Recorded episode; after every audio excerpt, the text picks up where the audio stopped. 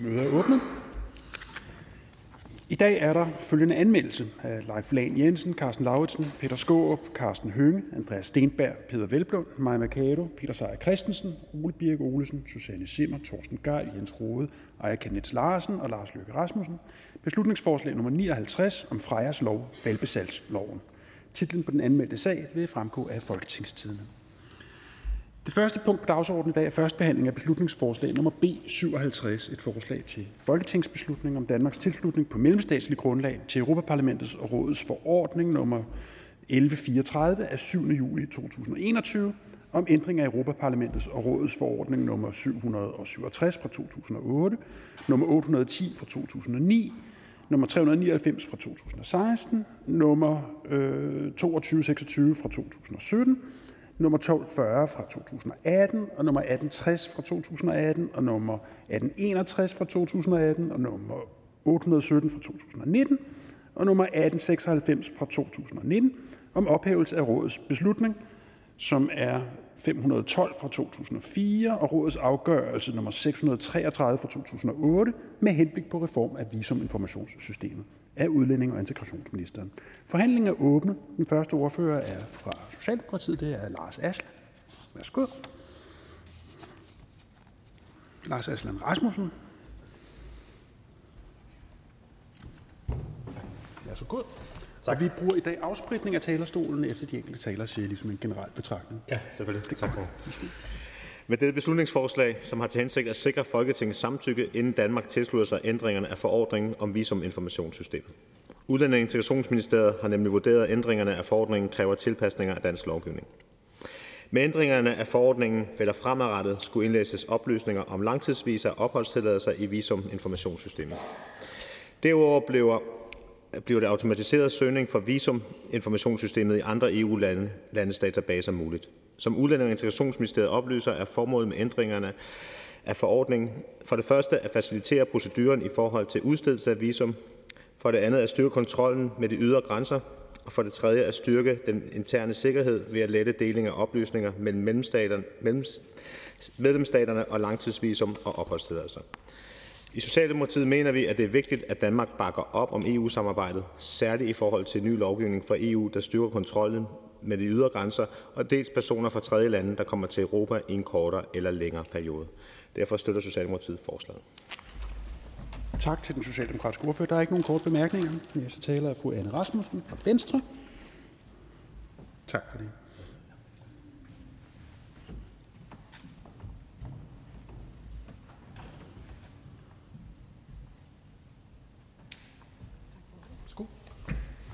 Tak for ordet. Jeg vil gerne starte ud med at sige, at Venstre støtter op om det europæiske samarbejde.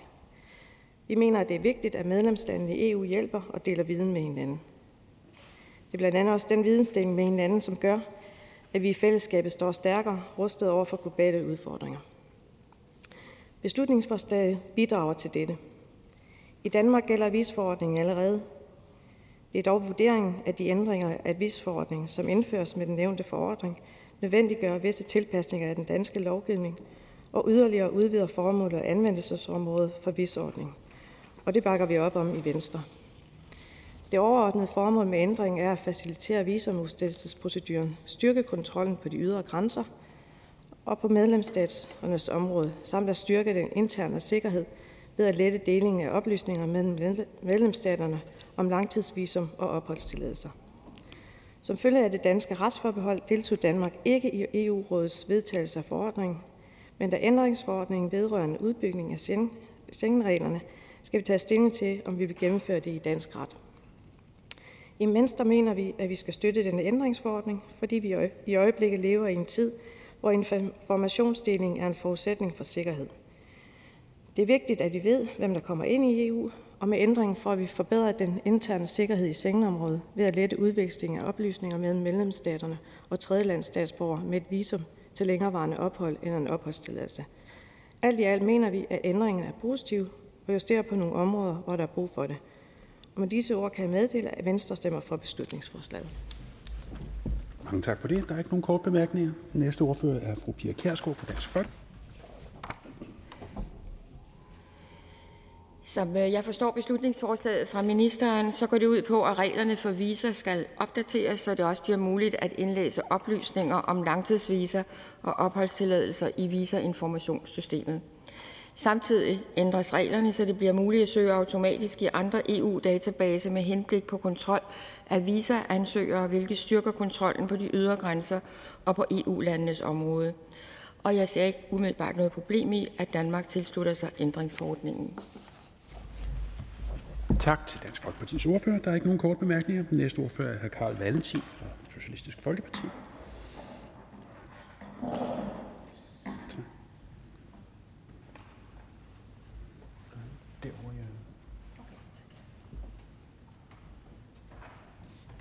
Værsgo. Tak. Nyafsprittet og det hele. Med vedtagelsen af beslutningsforslaget her i dag så giver Folketinget sit samtykke til, at regeringen meddeler EU, at vi har besluttet at gennemføre ændringsforordningen til VIS-forordningen i dansk ret. Det er både fornuftigt og nødvendigt, alt den stund en beslutning om ikke at tilslutte sig ændringsforordningen i yderste konsekvenser kunne betyde, at Danmark skulle forlade det samlede Schengen-samarbejde. Det synes vi i SF ville være en rigtig dårlig idé. Vi er i udgangspunktet positivt indstillet over for de ændringer af visumformationssystemet, der lægges op til med ændringsforordningen, som blandt andet skal lette procedurerne for udstedelse af Schengen-visa, styrke kontrollen på de ydre grænser og på medlemsstaternes område og styrke den indre sikkerhed gennem enklere deling af oplysninger om langtidsvisum og opholdstilladelser gennem Schengen-landene. Med ændringsforordningen får vi nu procedurer for udveksling af oplysninger mellem medlemsstaterne om visa til længerevarende ophold og opholdstilladelser. Det er positivt, for den slags oplysninger kan EU's IT-systemer ikke håndtere, som det er i dag.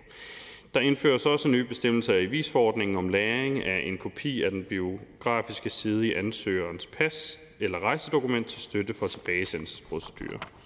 Det er også et fremskridt, alt den stund medlemsstaterne i dag ikke har en ensrettet praksis for lagring eller udveksling af den type oplysninger, og fraværet af et gyldigt rejsedokumenter i nogle tilfælde bremser tilbagesendelse af tredjelandsstatsborgere, der ikke længere opfylder betingelserne for lovligt, lovligt ophold i Schengenområdet. Med de ord kan jeg meddele, at SF støtter forslaget. Tak. Tak til SF's ordfører. Ingen kort bemærkninger. Den næste ordfører er fru Katrine Olddag fra Radikale Venstre, som lige afventer afspritningen.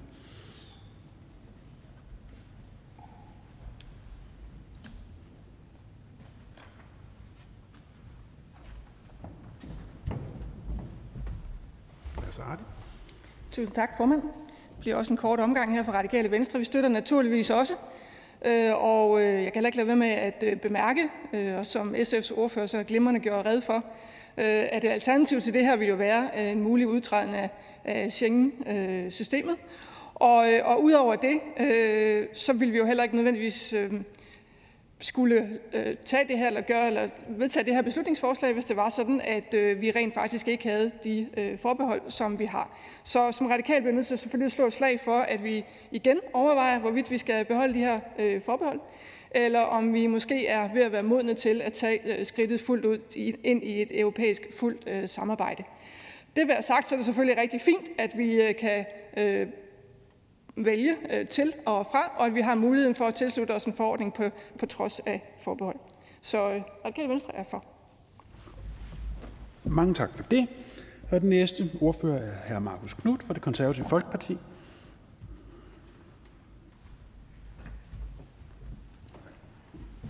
Skål.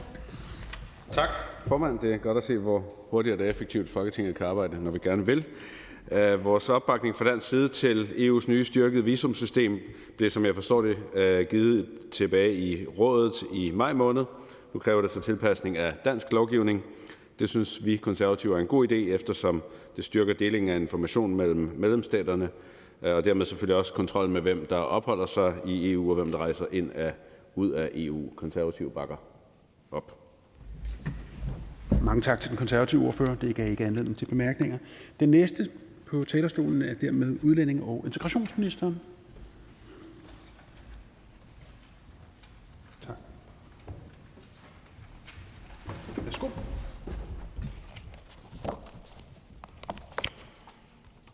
Tak til formanden for ordet, og tak til ordførerne for modtagelsen af beslutningsforslaget. Og jeg har noteret mig, at der ser ud til at være bred opbakning til beslutningsforslaget. Det er et forslag, der har til formål at opnå Folketingets samtykke til, at regeringen på Danmarks vegne tilslutter sig EU-forordningen, der vedrører reform af visuminformationssystemet. Det, der bliver kaldt VIS. Forordningen indeholder primært ændringer til den forordning, der kaldes VIS-forordningen, og som indeholder regler om det visuminformationssystem, som de europæiske lande bruger i forbindelse med behandlingen af visumansøgninger. Visforordningen gælder allerede i Danmark, men nogle af de ændringer, der indføres med den forordning, som Danmark tilslutter sig, hvis dette beslutningsforslag vedtages, vil medføre visse tilpasninger af dansk lovgivning. Desuden udvides formålet og anvendelsesområdet for visuminformationssystemet. Ændringerne indebærer blandt andet, at der fremover i visuminformationssystemet ud over oplysninger om visa til kortvarige ophold vil skulle indlæses oplysninger om langtidsvisa og opholdstilladelser. Ændringerne omfatter desuden regler, der muliggør automatiseret søgning fra visuminformationssystemet i andre EU-databaser med henblik på kontrol af ansøgere. Det overordnede formål med ændringerne til visuminformationssystemet er at lette visumproceduren, styrke kontrollen på de ydre grænser og på medlemsstaternes område og styrke den interne sikkerhed ved at lette delingen af oplysninger mellem medlemsstaterne, og regeringen er positivt indstillet over for de ændringer. Som følge af det danske forbehold deltog Danmark ikke i rådets vedtagelse af forordningen, som beslutningsforslaget vedrører, ligesom forordningen ikke er bindende for og ikke finder anvendelse i Danmark. Forordningen udgør imidlertid en udbygning af Schengen-reglerne, og Danmark kan derfor i medfør artikel 4 i protokollen om Danmarks stilling inden 6 måneder fra forordningens vedtagelse beslutte at gennemføre den i dansk ret på mellemstatsligt grundlag. Hvis beslutningsforslaget vedtages, vil regeringen derfor meddele råd, at Danmark vil gennemføre forordningen i dansk ret. Mange tak til udlændinge- og integrationsministeren. Der er ikke flere, der har bedt om ordet. Forhandlingen er sluttet. Jeg foreslår, at forslaget henvises til udlændinge- og integrationsudvalget. Og hvis ingen gør indsigelse, så betragter jeg dette som vedtaget. Og det er vedtaget. Det næste punkt på dagsordenen det er første behandling af beslutningsforslag nummer B 45, et forslag til folketingsbeslutning om stop for tilbagesendelse af syriske flygtninge til farlige og usikre forhold Leif Lahn Jensen, Peter Skårup, Carsten Hønge, Andreas Steenberg, Peder Hvelplund, Mai Mercado, Ole Birk Olesen, Susanne Zimmer, Torsten Geil, Jens Rode og Aaja Chemnitz Larsen. Dette beslutningsforslag er udsprunget af et borgerforslag. Forhandlingen er åbne, og først giver vi ordet til udlænding- og integrationsministeren, som dermed med rimeligvis kunne have undladt at afspritte talerstolen efter sidste optræden heroppe, men altså hellere en gang for meget end en gang for lidt. Vær så god.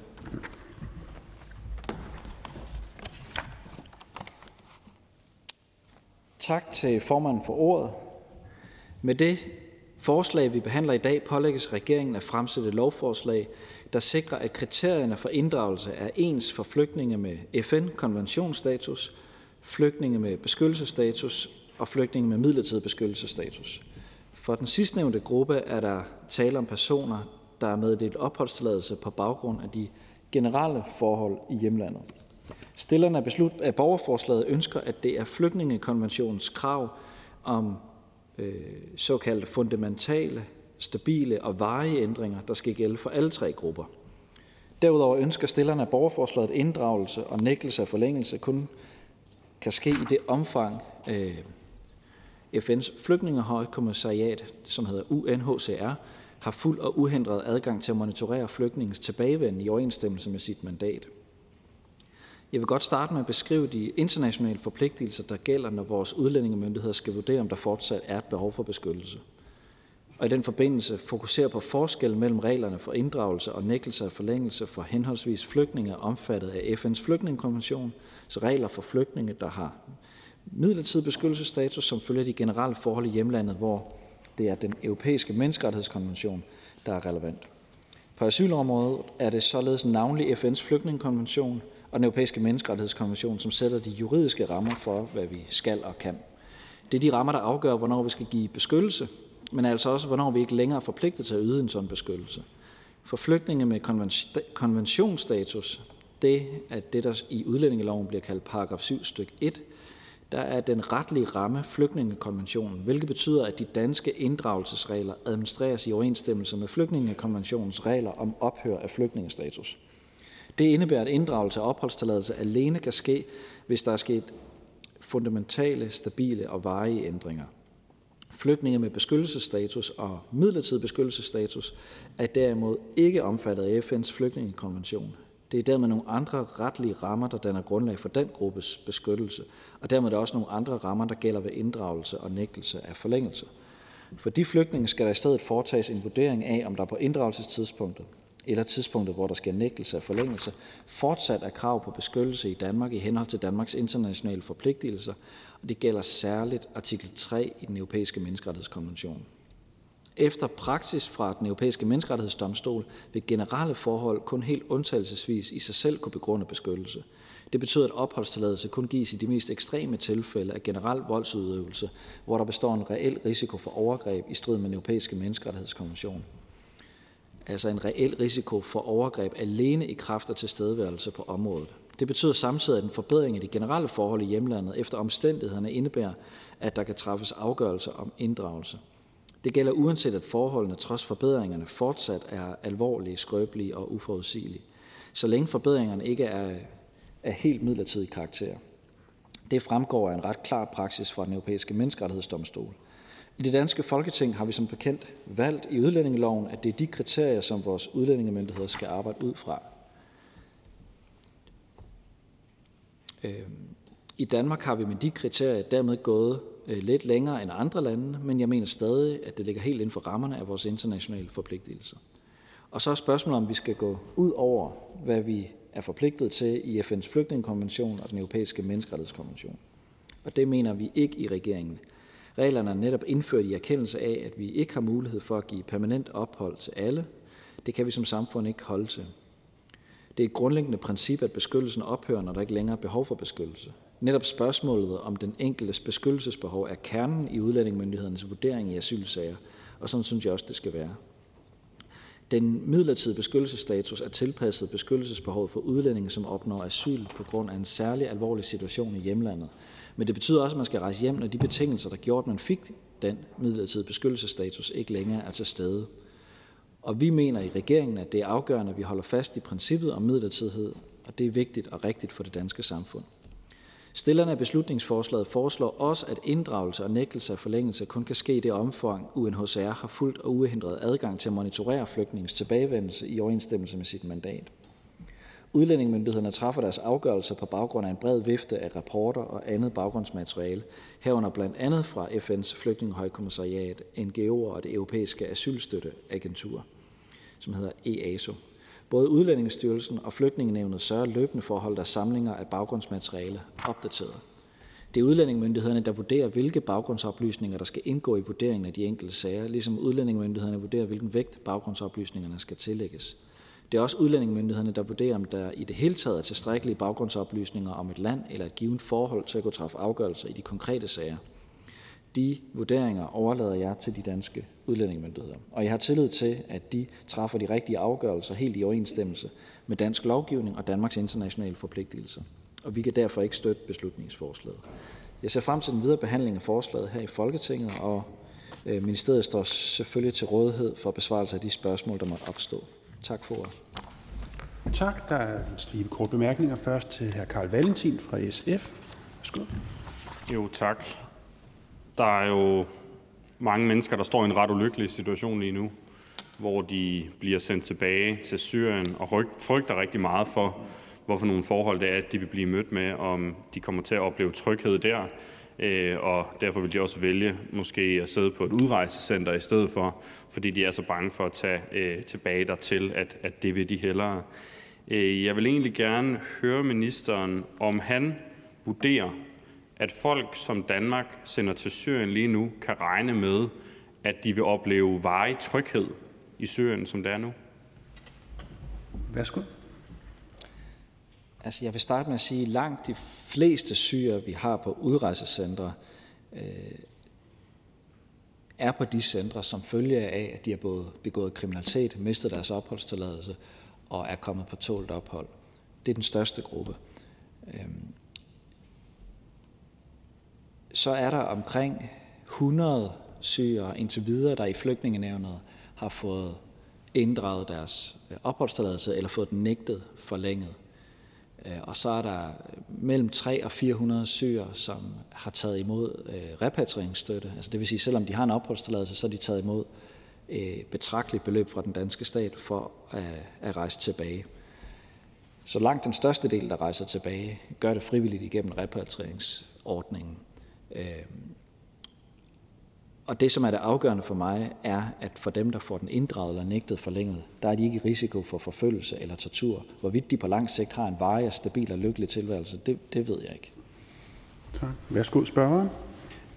Det, vi drøfter nu, det er jo sikkerhedssituationen i Syrien, og så er det jo egentlig ikke så relevant, om folk har begået kriminalitet eller ej, eller hvorfor det er, de skal afsted.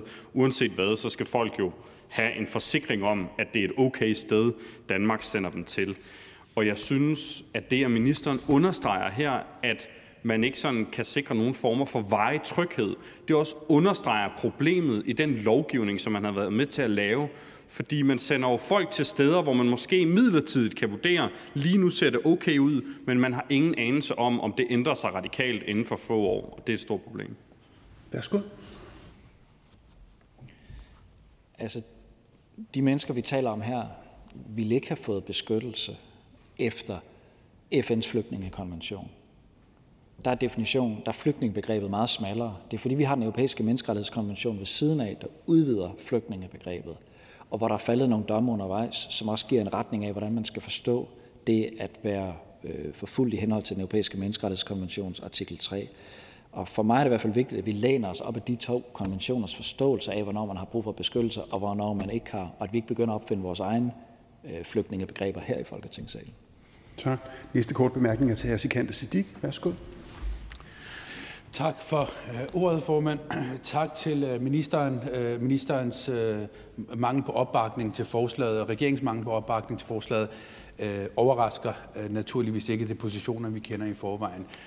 I går i, under et samråd øh, forsøgte jeg at, at få øh, ministeren til at forholde sig til, og hvorvidt altså dommen, der er faldet mod Rusland, kan ministeren bekræfte, nu prøver vi igen, kan ministeren bekræfte, at dommen konkluderer, at der ikke er noget sted i Syrien, der er sikkert at tage tilbage til? Det vil være det første spørgsmål. Værsgo, ministeren. Altså, det er jo en dom, der handler om nogle unge russiske mænd i den militærpligtige alder, øh, som har rejst en sag mod Rusland ved den europæiske menneskerettighedsdomstol og vundet sagen over den russiske stat.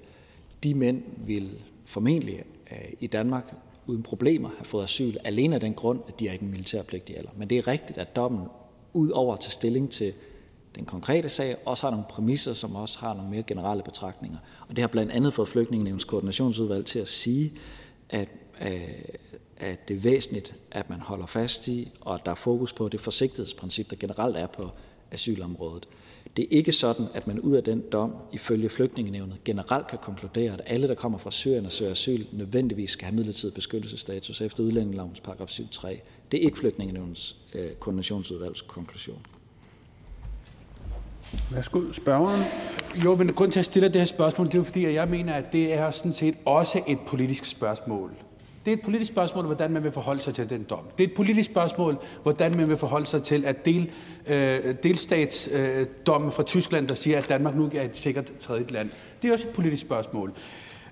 Kan øh, ministeren ikke bekræfte, at det var øh, Mette Frederiksen som justitsminister, der fremsatte lovforslaget om at ændre det her grundlag for opholdstilladelse, så det altså er en politisk beslutning fra regeringen dengang, som ligger til grund for udsendelserne. Altså det er en politisk bestemt lov, og det er derfor, vi i Frie Grønne siger, at nu må man politisk forholde sig til det og sørge for, at man ikke sender syrier, vores syriske medborgere, tilbage til krig, udlæggelse og tortur. Tak.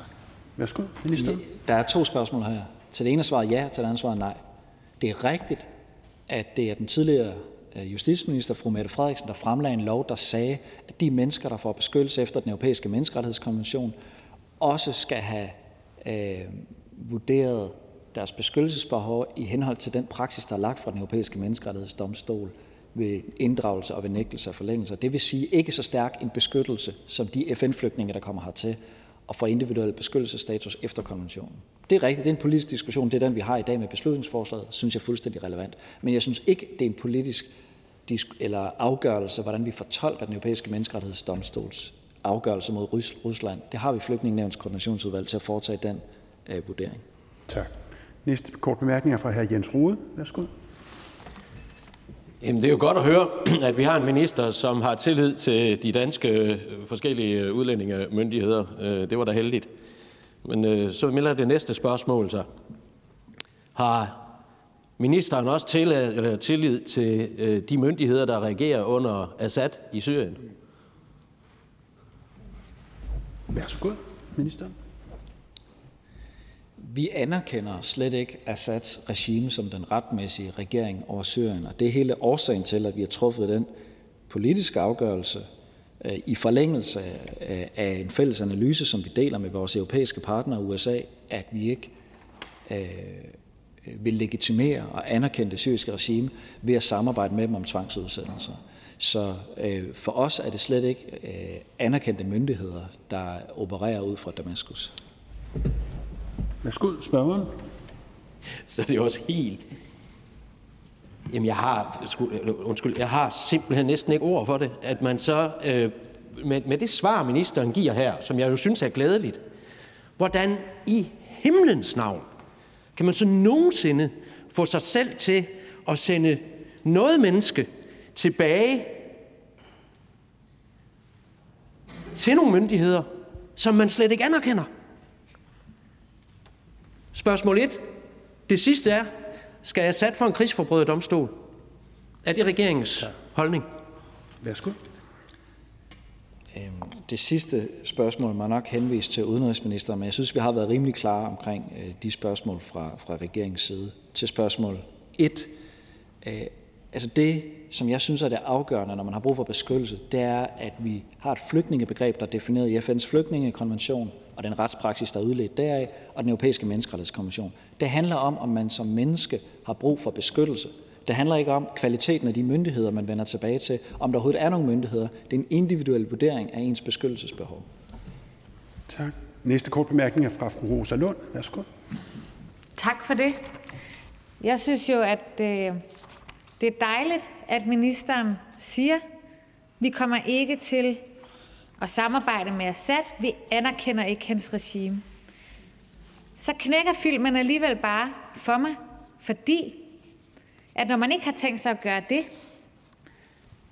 så betyder det jo, at de syrere, som har fået frataget deres opholdstilladelser, de skal sidde på udrejsecenter i vi ved ikke hvor længe.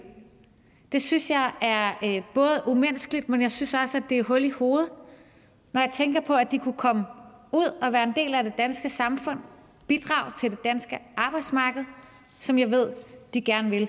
Altså, kan ministeren ikke selv se, at det her er helt modsat på en eller anden måde?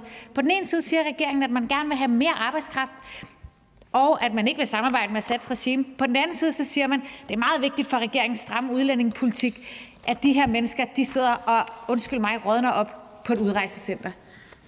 Værsgo, ministeren. Altså, vi har også et trecifret antal iranere i udsendelsesposition. Altså mennesker, vi har vurderet ikke har behov for beskyttelse, som skal rejse hjem, men på grund af udsendelsesvanskeligheder med Iran er vi ikke i stand til tvangsmæssigt at udsende dem. De kan kun udrejse frivilligt. De kan endda få en pose penge med, hvis de gør det. Hvis vi der lænede os tilbage og sagde, jamen fordi vi ikke er i stand til tvangsmæssig udsendelse af iranere, så kan I lige så godt få en almen bolig og en arbejdstilladelse og bo i Danmark, så tror jeg, altså punkt 1, det er jo helt grundlaget under asylpolitikken, der så vil skride, fordi så vil folk kunne modarbejde sig til de facto ophold i Danmark. Og punkt 2, så tror jeg, det vil betyde, at mange flere mennesker fra det land vil søge asyl i Danmark, fordi de vil vide, at uanset om de har et beskyttelsesbehov eller ej, så vil de ende med at kunne blive i Danmark. Så af den grund, også af hensyn til asylpolitikens legitimitet, mener vi skal stå fast på, at man får asyl, hvis man har behov for det. Hvis ikke man har behov for det, så kan man ikke blive i Danmark, medmindre man kan få et andet opholdsgrundlag. Altså hvis man for eksempel har haft et arbejde i 24 måneder, så er der også en mulighed for at søge et opholdsgrundlag på den måde. Værsgo, spørgeren. Men de her mennesker har jo behov for asyl. Det er jo det, der er hele problemet. Der er ikke sikkert i Syrien. Det har vi både Amnestys ord for, det har vi en dom fra Menneskerettighedsdomstolen, som vi havde lejlighed til at diskutere i et samråd i går, som klokkeklart konkluderer, at det er farligt for mennesker, som har været på flugt fra Assad, at blive sendt tilbage. Ikke kun de otte mennesker, den dom handlede om, men generelt Det er det, der står i dommen. Og sidst jeg tjekkede, her udlændingeminister, der var vi to enige om, at menneskerettighedskonventionerne, dem skal vi overholde. Tak. Værsgo, ministeren. Menneskerettighedskonventionerne, dem skal vi overholde. Og det samme gælder den danske udlændingelov. Og i den står der ikke, at det er Amnesty, der vurderer, hvorvidt folk har et beskyttelsesbehov. Der står, at det er i sidste instans og flygtningenevner, der vurderer, hvorvidt man har et beskyttelsesbehov. Og de mennesker, vi taler om her, har jo fornægtet at få forlænget deres opholdstilladelse først i Udlændingsstyrelsen og dernæst i flygtningenevnet, som har vurderet, at de mennesker har ikke et beskyttelsesbehov. For syrerne lige nu er det omkring 100. Og det mener jeg, vi bør læne os op af, og ikke hvad en rapport fra en NGO eller andre siger, det kan være relevant at diskutere, om det ikke er dem, der træffer afgørelsen. Så ender det hele jo i hat og briller. Tak. Næste kort bemærkning er fra fru Katrine Olddag. Værsgo. Tak for det. Jeg synes, den her debat egentlig afspejler rigtig godt, øh, hvor mange blindgyder der egentlig er for de øh, syre, som er kommet her til landet, men også for os politikere. Hvor svært det reelt er måske at få has på den her problematik og finde løsninger, der virker. Øh, for vi kan jo også se, at det ikke virker at sende syre hjem. De ender på øh, udrejsecentre. Øh, de modtager så i nogle tilfælde også penge for at rejse hjem. Penge, som de jo kun kan få, hvis de ikke i forvejen er udvist og afviste. Hvorom alting er, jeg vil gerne gå et lidt andet spor, nemlig det spor, der handler om, at den gamle paragraf 26 jo med paradigmeskifte blev mere eller mindre øh, decimeret, således at det ikke længere kan lade sig gøre for en syr at gøre sig fortjent til at blive gennem at integrere sig, få arbejde, betale skat, gå i skole, alle de ting og deltage i civilsamfundet. Det er på alle mulige måder. Jeg kunne godt tænke mig en kommentar fra ministeren på, hvorfor er det, når alle de her blindgyder de ligesom øh, viser sig, hvorfor er det, vi ikke så kan ende på, at man i det mindste kan gøre sig fortjent til det? Tak. Værsgo, ministeren. Altså punkt 1 vil jeg sige, man gør sig jo betjent til beskyttelse ved at have brug for beskyttelse. Så kan man få en anden opholdstilladelse i Danmark, hvis man skal på et studieophold, eller man har en familiesamføring, eller man får et arbejde i Danmark. Men jeg synes ikke, vi skal begynde at give beskyttelse til folk, der ikke har behov for beskyttelse. Så er det rigtigt, at tidligere i udlændingeloven havde vi i paragraf 26 beskrevet øh, nogle forskellige kriterier, der skulle til for at have opnået så meget tilknytning, at selvom man ikke havde behov for beskyttelse, så fordi man havde tilknytning, så kunne man blive i Danmark. Der foretages fortsat en tilknytningsvurdering, men i stedet for at man kigger ind i udlændingeloven og ser, hvad der præcis står der i forhold til arbejde og sprog og andre forhold, så er der bare en henvisning til de internationale konventioner, hvor der jo er en løbende og dynamisk retspraksis, der udvikler sig. For eksempel, hvor lang tid skal et barn have været i Danmark for at have opnået tilknytning?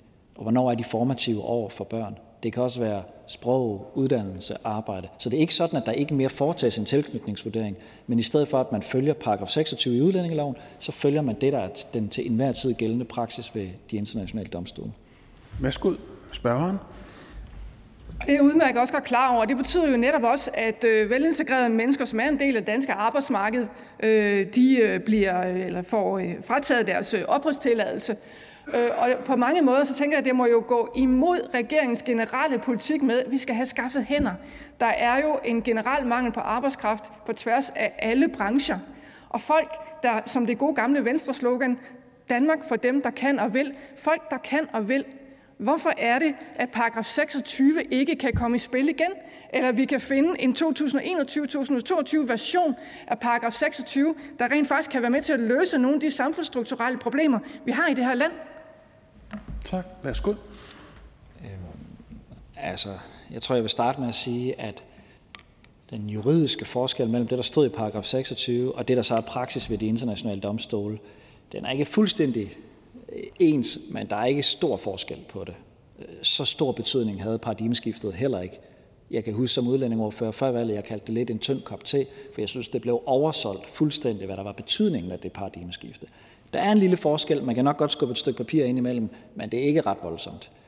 Øhm, og så vil jeg sige, vi har arbejdskraftproblemer i Danmark, men løsningen er ikke flere flygtninge. Deres beskæftigelsesfrekvens øh, er ikke nogen løsning på de udfordring, vi står med at tiltrække hænder. Vi skal give folk beskyttelse, fordi de har behov for det, ikke fordi vi har behov for arbejdskraft. Næste kort bemærkning er fra hr. Markus Knudt. Værsgo. Tak, formand. Øh, fra konservativ side ser vi jo nogenlunde ens på det her, som, øh, som regeringen gør. Hvis man får beskyttelse i Danmark, så skal man selvfølgelig tilbage til sit hjemland, når, når forholdene tillader det, øh, over det er Udlændingsstyrelsen, der, der laver øh, vurderingerne af de forskellige landeområder. Øh, så egentlig bare to spørgsmål til, til ministeren. Kan ministeren ikke bekræfte, at med den repatrieringsordning, vi har, er der allerede rigtig, rigtig mange mennesker, der, rejser, der har haft beskyttelse i Danmark fra Syrien, der frivilligt rejser tilbage til, til Syrien? Det var det ene spørgsmål.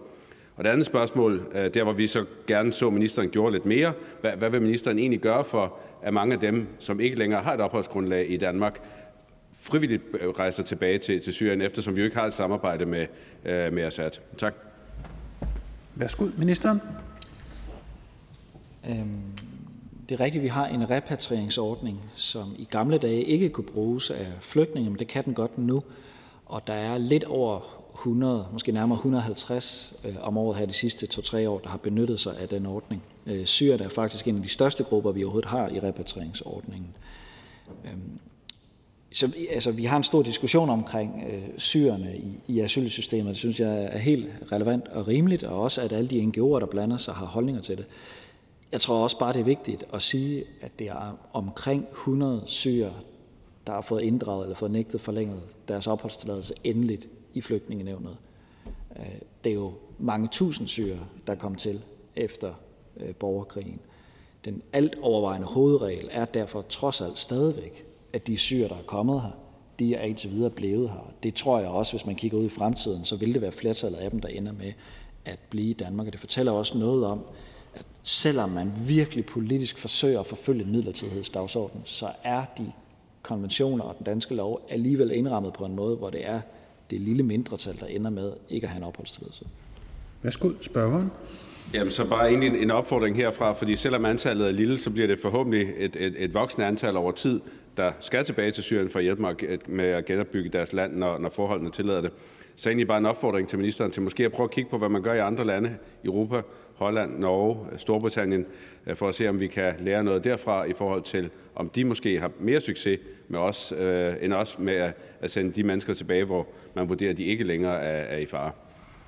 Værsgo, ministeren. Øh, jamen jeg, jeg kigger meget gerne på andre europæiske lande, men jeg tror også, vi skal også huske, at der kom mange syre til Østrig, Tyskland og Sverige. De tog rigtig mange syre.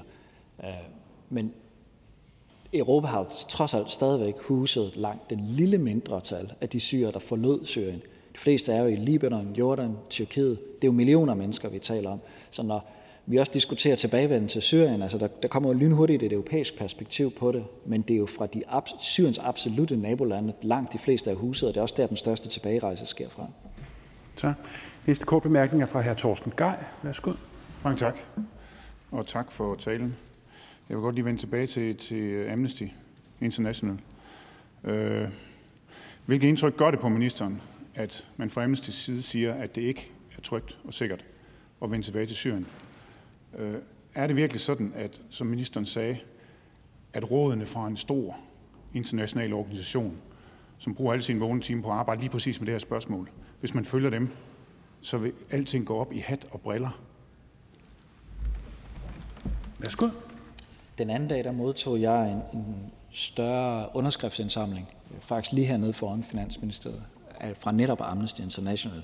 Og jeg anerkender fuldstændig deres arbejde. Men hvis vi begynder at bevæge os i retning af, at det ikke mere er uafhængige myndigheder, men NGO'er, der skal træffe afgørelser om, hvorvidt folk har et individuelt beskyttelsesbehov, så ja, så ender asylpolitikken i hat og briller. Det mener jeg virkelig. Og det er også derfor, ja, vi diskuterer Øh, selvfølgelig beslutningsforslag, men jeg kan jo også høre fra ordførerne, vi diskuterer også, hvem skal egentlig vurdere, om andre mennesker har et beskyttelsesbehov. Lige nu taler vi syrerne, som der er meget politisk opmærksomhed omkring. Hvem interesserer sig for somalierne, afghanerne, irakerne, marokkanerne, russerne? De søger også asyl i Danmark. Og hvis det handler om, hvilken NGO, der har skrevet den seneste rapport, og det skal danne grundlag for ens beskyttelsesbehov på baggrund af en politisk diskussion, så ja, så er det her, der briller. Så jeg vil insistere på, at vi vedtager lovgivningen her i Folketingssalen, og så har vi uafhængige myndigheder til at træffe individuelle afgørelser. Det er retsstaten værdigt. Det andet der, det synes jeg ikke er værdigt. Værsgo, spørgeren. Nu henholder ministeren sig hele tiden til lovgivningen, og øh, at, at det ikke er ulovligt at sende de her mennesker tilbage. Øh, Amnesty International siger, at det er, ikke er sikkert. Øh, det er trods alt en stor organisation, der undersøger tingene rimelig, rimelig nøje. Hvad nu hvis det er sådan, at det faktisk er lovligt at sende dem tilbage, men at det er rigtig, rigtig usikkert og risikofyldt for dem, hvilket vi jo får at vide, det er. Vil ministeren så stadigvæk udnytte, at det er lovligt, selvom det er dødsens farligt for de her mennesker? Værsgo, ministeren. Flygtningenævnet ligger lige herovre i Adelgade. Det er en helt almindelig anonym bygning. Sidste år, de træffer hundredvis af afgørelser hvert år. Sidste år var der 600 mennesker, der forlod den bygning og havde fået et afslag på en opholdstilladelse, altså fået den inddraget, eller ikke fået den i første omgang. I år er vi oppe på omkring 480. Nogle af dem er syrere. Nogle af dem kommer fra alle mulige andre lande i hele verden. Dem er der ikke så stor politisk opmærksomhed omkring. De har fået afslag, selvom de selv mente, at de havde behov for beskyttelse. Det er jo ret voldsomt egentlig. Der sidder et menneske over for dig, en meter over for dig, og siger, at jeg har behov for beskyttelse, og så har vi 480 gange i Danmark i år sagt nej.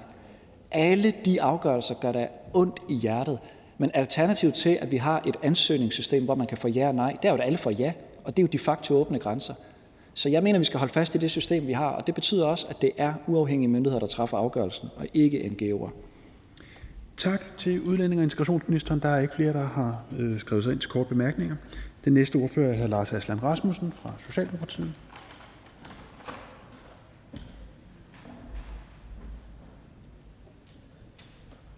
Tak.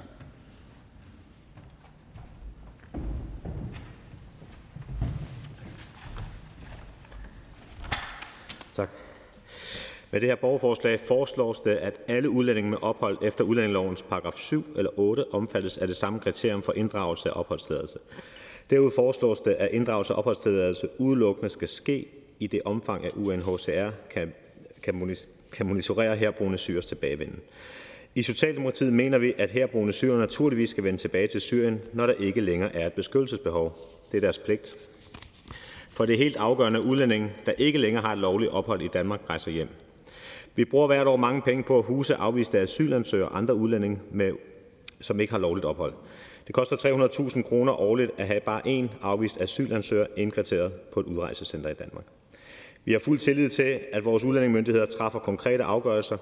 Det er vigtigt for os at understrege, at alle får deres sager behandlet individuelt, og hvis der er den mindste tvivl i de her sager, vil tvivlen altid komme den enkelte ansøger til gavn. Endelig mener vi ikke, at der er grundlag for at ændre de nuværende regler i udlændingeloven, som det foreslås med dette borgerforslag. For det er vores klare opfattelse, at lovgivningen fungerer efter hensigten. Socialdemokratiet støtter ikke forslaget. Tak til den socialdemokratiske ordfører. Der er ikke nogen korte bemærkninger. Den næste taler er fru Anne Rasmussen fra Venstre. Tak.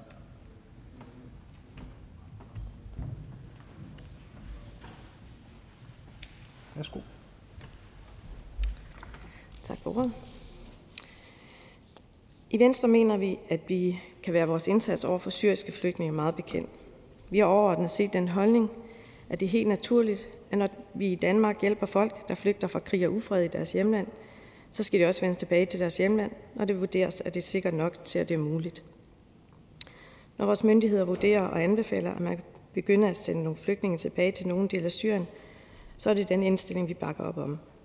Lad mig derfor slå fast, at Venstre stoler på, at vores myndigheder er i fuld stand til at vurdere, om forholdene i Syrien er sikre nok til, at syriske flygtninge kan sendes tilbage, og vi mener derfor ikke, at vi skal ændre loven, som muliggør netop dette.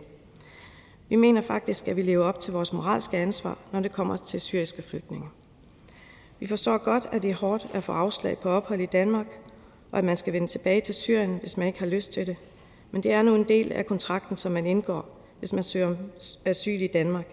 Kontrakten er midlertidig, og selvom man synes, det er rart at bo i Danmark, ja, så kan man altså ikke blive her permanent. Sådan fungerer det desværre ikke. Vi mener grundlæggende, at det også er en moralsk dimension i, at man via sin plads rejser hjem, når man ikke længere har brug for hjælp, således at vi kan hjælpe andre, der har brug for beskyttelse. Det er kernen i vores hjemsendelsespolitik. Den danske velfærdsstat stiller mange ressourcer til rådighed til de flygtninge, som kommer til Danmark. Vi sørger for, at de føler sig trygge og får nogle redskaber, som de kan bruge, når de vender tilbage til deres hjemland. Og derfor har de syriske flygtninge et moralsk ansvar over for deres hjemland. De skal netop bruge de redskaber, som de har tilegnet sig i Danmark, til at tage tilbage og bygge deres hjemland op. Jeg vil gerne slutte af med at sige, at vi har fuld tillid til de danske udlændingemyndigheder og fortsat vil bakke op om deres vurdering. Og med disse ord kan jeg meddele, at Venstre stemmer imod forslaget. Tak til Venstres ordfører. Der er en kort bemærkning fra hr. Karl Valentin. Værsgo. Ja, fru Anne Rasmussen understreger flere gange, at øh, man fra Venstres side har tillid til myndighederne i den her forbindelse og deres vurderinger. Og det synes jeg er helt fair. Det er også vigtigt, at vi har tillid til danske myndigheder. Men det, som forslaget her handler om, det handler jo ikke om at fratage myndighederne deres øh, mulighed for at vurdere øh, sikkerhedssituationen i et land. Øh, tværtimod, det vil jo stadigvæk være tilfældet.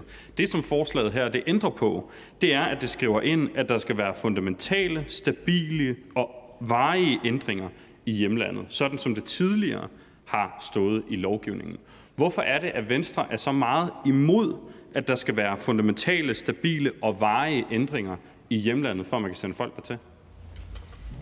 Værsgo, ordføreren. Tak. Jamen, øh, vi synes jo, som ministeren også har redegjort for, at øh, når man har fået et asylophold, øh, på, øh, hvor man ikke er personligt forfulgt, men alene af den grund, at der er krig i det land, hvor man kommer fra, så skal man altså rejse tilbage, når der ikke længere er krig. Værsgo, spørgeren. Men hvordan giver det mening, at man ender i en situation, hvor man mener, at det er trygt nok at sende folk til Damaskus og Rif Damaskus, men ikke trygt nok i resten af Syrien? Tyder det ikke på, at man har øh, nogle lidt absurde regler for, hvordan man vurderer sikkerhedssituationen, når man i så høj grad kan gøre forskel på områder, der er så tæt på hinanden? Værsgo. Men det her handler jo ikke om, at man er personligt forfulgt. Altså, vi har tillid til, at myndighederne kan vurdere, om, om de øh, øh, steder, man kommer hen til, er, er sikre. Og det er jo ikke anderledes for de syre, der allerede bor der nu. Næste kort bemærkning er til hr. Sikander Siddiq. Værsgo. Tak til øh, Venstres ordfører. Jeg ser frem til nogle gode diskussioner med Venstres nye ordfører på området. Øh, jeg håber jo også sådan lidt øh, naivt, at øh, det, at man har fået et nyt ansigt og et nyt navn på ordførerskabet, at det så måske også kunne give noget med refleksion i forhold til at ryste posen lidt, i forhold til der, hvor Venstre har været på spørgsmålet. Og derfor vil jeg gerne stille et åbent spørgsmål. Øhm, nu øh, henviste jeg lige til den her delstatsdom fra Tyskland, som siger, at Danmark ikke følger den her Dublin-forordning, og man nu ser Danmark som et sikkert tredje land. Øh, vi ved, at NGO'er og rigtig mange organisationer er ude og sige, at Danmark har en, en ikke øh, humanistisk øh, flygtningepolitik. Vi har set kritikken fra Torturkommissionen. Vi har set dommen fra, mod Rusland, der nu siger, at Syrien på ingen måde er sikkert. Giver det ikke noget refleksion, giver det ikke noget over, overvejelse hos Venstre at sige, at vi simpelthen er kommet for langt ud i vores flygtningepolitik, og vi bliver nødt til at justere ind igen og sige, okay, man vil have en stram udlændingepolitik, men når så væsentlige organisationer og institutioner kritiseres, så er der altså noget om snakken. Kunne vi ikke få et, øh, et kommentar på det? Værsgo. Jeg vil godt lige korrigere, at jeg er altså ikke udlændingordfører for øh, Venstre. Det er Mads Fugle. Jeg er øh, ordfører på det her borgerforslag, eller det her beslutningsforslag. Øhm, jeg synes ikke, at man ud fra dommen kan konkludere, at øh, det ikke generelt kan lade sig gøre at hjemsende Syrien. Altså dommen den vedrører de otte personer, som dommen nu vedrører, og deres situation. Så, så nej, jeg, jeg bakker op om myndighederne og deres vurdering af det, og vi kan godt stå inden for det. En opfølgende? Nej. Godt. Vi siger tak til Venstres ordfører. Der er ikke flere korte bemærkninger. Den næste, jeg skal undskylde, må jeg ikke bede. Tak. Den næste ordfører er fru Pia Kærsgaard fra Dansk Folkeparti.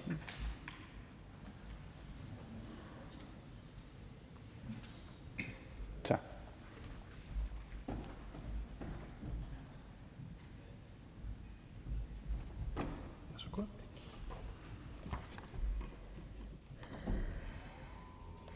Borgerforslaget går ud på at sikre, at øh, flygtninge kun kan få, ind, kun kan få inddraget eller blive nægtet forlængelse af en opholdstilladelse, hvis der er sket fundamentale, stabile og varige ændringer i hjemlandet. Siden december 2019 har flygtningenævnet vurderet, at den syriske hovedstad Damaskus og siden den omkransende provins Rif Damaskus var sikker nok til, at flygtningen kunne vende tilbage, hvis man ikke er personligt forfulgt. Det er vigtigt at forstå, at midlertidigt ophold i Danmark betyder midlertidighed. Forhaling skal ikke give vejet ophold i Danmark. For nylig var det fremme, at flygtningenevnet omstøder 43 procent af de sager, hvor en syrer har mistet sit asylgrundlag i Danmark. 57 procent får altså ikke omstødt deres sag. Det har også været fremme, at kun syv syrere rent faktisk er rejst tilbage, og det er selvfølgelig klart for lidt. Det må regeringen kunne gøre bedre. I april kunne Avisen Danmark.dk oplyse, at 140.000 syriske flygtninge i nærområderne er rejst hjem af frivillighedens vej. Hvor mange der siden er vendt hjem fra nabolandene vides ikke, men det viser, at mange faktisk rejser hjem igen. Og det gør man jo nok ikke, hvis det er farligt at være hjemme. Det er altså også muligt for syriske flygtninge i Danmark at vende hjem, hvis man ikke er personligt forfulgt, og det er mange flygtninge med midlertidig opholdstilladelse efter udlændingelovens paragraf 7 stykke 3 ikke. Sagerne afgøres af Udlændingsstyrelsen og Flygtningenævnet. Danmark yder rundhåndet hjælp til de flygtninge, der frivilligt ønsker at rejse hjem. Det er det, der kaldes repatriering. I marts 2021 kunne Udlændinge- og Integrationsministeriet oplyse, at 137 syrere i 2020 vendte frivilligt med økonomisk støtte via repatrieringens hjem. Året før var tallet 100. Mange flere syriske flygtninge burde søge den hjælp og rejse hjem. Det er grundlaget for dansk udlændingepolitik, at flygtninge kun tilbydes beskyttelse, så længe de har brug for beskyttelse. Flygtninge skal rejse hjem, når de ikke længere har krav på beskyttelse. Det gælder også syriske flygtninge. Derfor støtter Dansk Folkeparti ikke beslutningsforslaget. Tak til Dansk Folkepartis ordfører. Der er ikke nogen korte bemærkninger. Den næste ordfører er hr. Karl Valentin fra Socialistisk Folkeparti.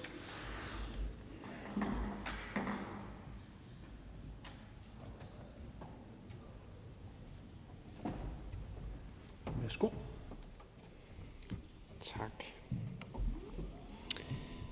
Emnet her er noget, der står Socialistisk Folkepartis hjerte meget nært, og derfor er vi også glade for, at stillerne har lagt så meget tid og så mange kræfter i det her forslag, og at 50.000 mennesker har skrevet under på forslaget, så nu vi får chancen for at debattere det her i Folketingssalen.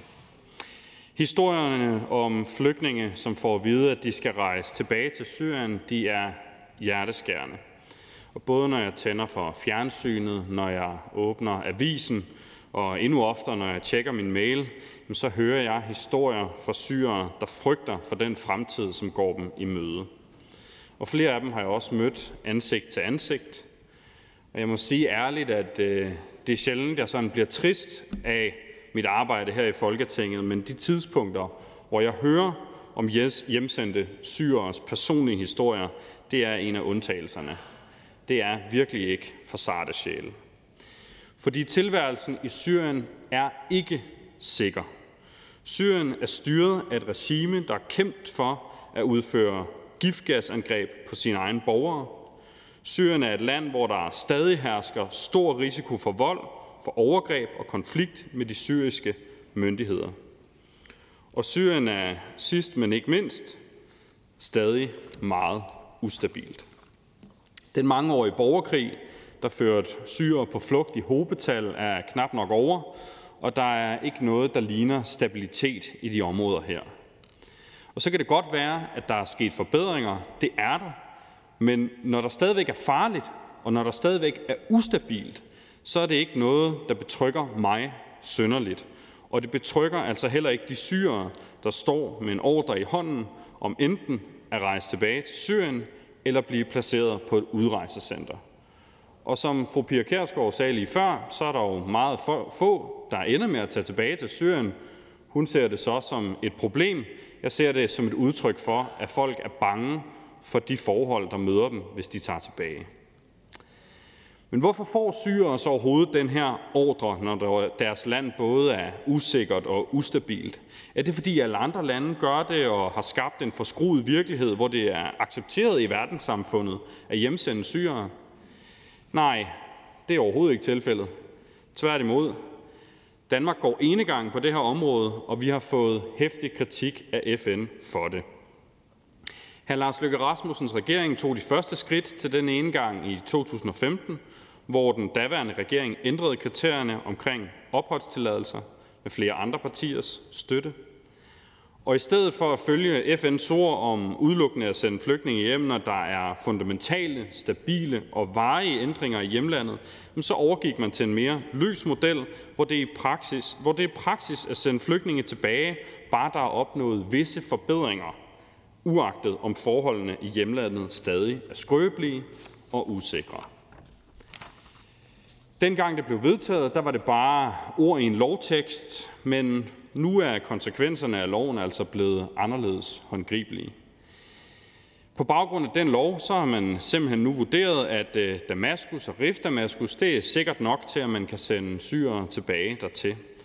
Og derfor så hører vi desværre konstant i medier, i vores mailindbakke og ansigt til ansigt fra syrere, der bliver konfronteret med det nærmest umenneskelige valg om, hvorvidt de vil sidde på et udrejsecenter uden nogen realistisk chance for, at forholdene ændrer sig i en nær fremtid, eller om de i stedet vil rejse tilbage til et land, der er både usikkert og ustabilt. Det valg det vil jeg ikke ønske for min værste fjende. Socialistisk Folkeparti var imod den lovændring, der blev indført i 2015, og vi er endnu mere imod den nu, hvor den har fået konsekvenser for virkelige mennesker. Danmark skal selvfølgelig følge FN's anbefalinger, og det kan kun gå for langsomt. Og derfor så støtter Socialistisk Folkeparti borgerforslaget her, og vi kæmper videre for sagen, uanset hvor meget regeringen og højrefløjen kæmper imod. Tak for ordet. Tak for det. Der er et par korte bemærkninger. Den første fra hr. Torsten Geil. Værsgo. Tak. Og tak for en øh, rigtig god tale.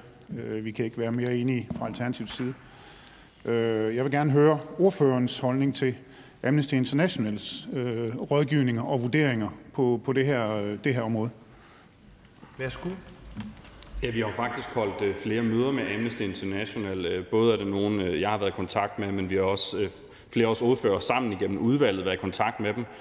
Og det er jo helt tydeligt, at Amnesty International rejser en voldsom kritik af Danmarks agerende i den her situation, og det kan jeg godt forstå, fordi der er ikke noget, som indikerer, at der skulle være veje fred i Syrien. Og når man hører om de forfærdelige ting, der sker i Syrien med jamen, altså, voldtægter, overgreb på børn, øh, tortur, øh, jeg har næsten ikke ord for det, så synes jeg, det, det er helt vildt, at man sender folk dertil, som situationen er nu. Ønsker hr. Torsten Geil? Nej. Okay, godt. Næste kort bemærkning er til hr. Jens Rode. Værsgo. Jamen, jeg vil også godt sige tak for en fremragende øh, tale, og man kan mærke, at den kommer herindefra. Det synes jeg også er, øh, det synes jeg også er godt. Og derfor, øh, jeg, jeg, jeg er næsten sådan jeg ved godt, det kommer til at lyde lidt polemisk, når jeg nu stiller spørgsmålet, men det er faktisk ikke tænkt sådan. Øh, og jeg ved ikke, hvordan jeg skal formulere det, så det ikke kommer til at virke som et eller andet modspil. Men, men, men det naturlige spørgsmål er jo, hr. Karl Valentin, hvor længe vil man som støtteparti finde sig i, at regeringen foretager noget, som gør hr. Karl Valentin så trist. Værsgo. Hmm. Jeg ved ikke, om jeg synes, vi finder os i det. For jeg synes, øh, vi protesterer meget højlydt, og vi presser regeringen på det her. Men det er jo et evigt dilemma på udlændingområdet, fordi vi har en regering, som har besluttet sig for, at den gerne vil lave størstedelen af sin politik med højre side af Folketingssalen. Og det betyder jo, at der er et massivt flertal, der modarbejder, hvad der er SF's politik på det her område. Og derfor så kæmper vi dag og nat for at få indrømmelser. Og vi har fået nogle af dem, som betyder noget for os på udlændingområdet. Ikke? Vi har fået droppet øh, Øh, Lindholmøen som udrejsecenter. Vi har fået Danmark til at tage kvoteflygtninge igen, som nok var mærkesag nummer et for os. Vi har fået børnene ud af Sjælsmark. Altså, vi har fået nogle indrømmelser på udlændingområdet. Men øh, vi kæmper videre for flere, og øh, vi håber virkelig, at regeringen lytter, fordi jeg tror, der kommer øh, en, en dag, hvor at, øh, situationen kan blive så ustabil i, i Syrien igen, at øh, man kommer til at fortryde den tilgang, man har haft her. Spørgeren, værsgo. Jeg vil meget gerne anerkende, at det bedste kan også blive det godes værste fjende, fordi så får man ingenting. Jeg, jeg, vi kender jo alle sammen den her øh, problematik. Men ikke desto mindre, så må der jo ligge et eller andet, hvis man bliver så trist, hvor man så ad andre veje kan gøre livet meget, meget besværligt for regeringen, hvis ikke den lytter til støttepartierne. Fordi jeg oplever jo, her Karl Valentin, som, altså det er helt fundamentalt, det her. Og det er derfor, at vi er nødt til at have en diskussion om, hvor fundamentalt er det så? Fordi den kommer vi andre jo også til at skulle tage på den anden side på et tidspunkt, forhåbentlig. Værsgo. Det er ekstremt vigtigt for Socialistisk Folkeparti, det her, og det øh, har vi også understreget gentagende gange over for regeringen. Øh, og vi har også gjort det i kor med, med Radikale Venstre og med Enhedslisten, og er glad for, at kristendemokraterne også er med på den her. Det betyder ikke, at vi foreslår, at man skal vælte regeringen i morgen, fordi jeg kan ikke se, at det løser problematikken. Altså, det vil udløse et valg, og så får vi måske en borgerlig regering, og vurderet på de ting, der bliver sagt herindefra, så er det nok ikke lige frem, fordi at det vil frede syrerne. Så vi må bruge den magt, vi har, og indkalde samråd, bruge forskellige parlamentariske instrumenter og presse på. Det er det, vi gør. Så.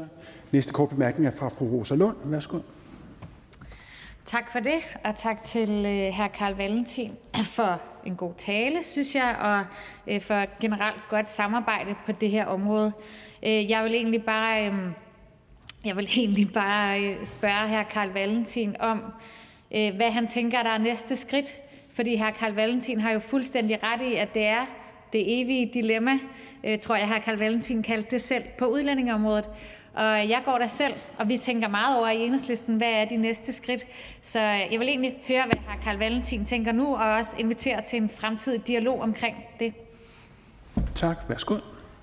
Jeg bestræber mig ofte på at sådan svare direkte og meget klart her fra talerstolen, fordi jeg synes, det er en vigtig værdi. Men jeg tror faktisk, jeg synes, det her det er en en intern overvejelse blandt støttepartier, i forhold til hvordan vi øh, lettest får knækket regeringen her og fået dem til at give indrømmelser på det her.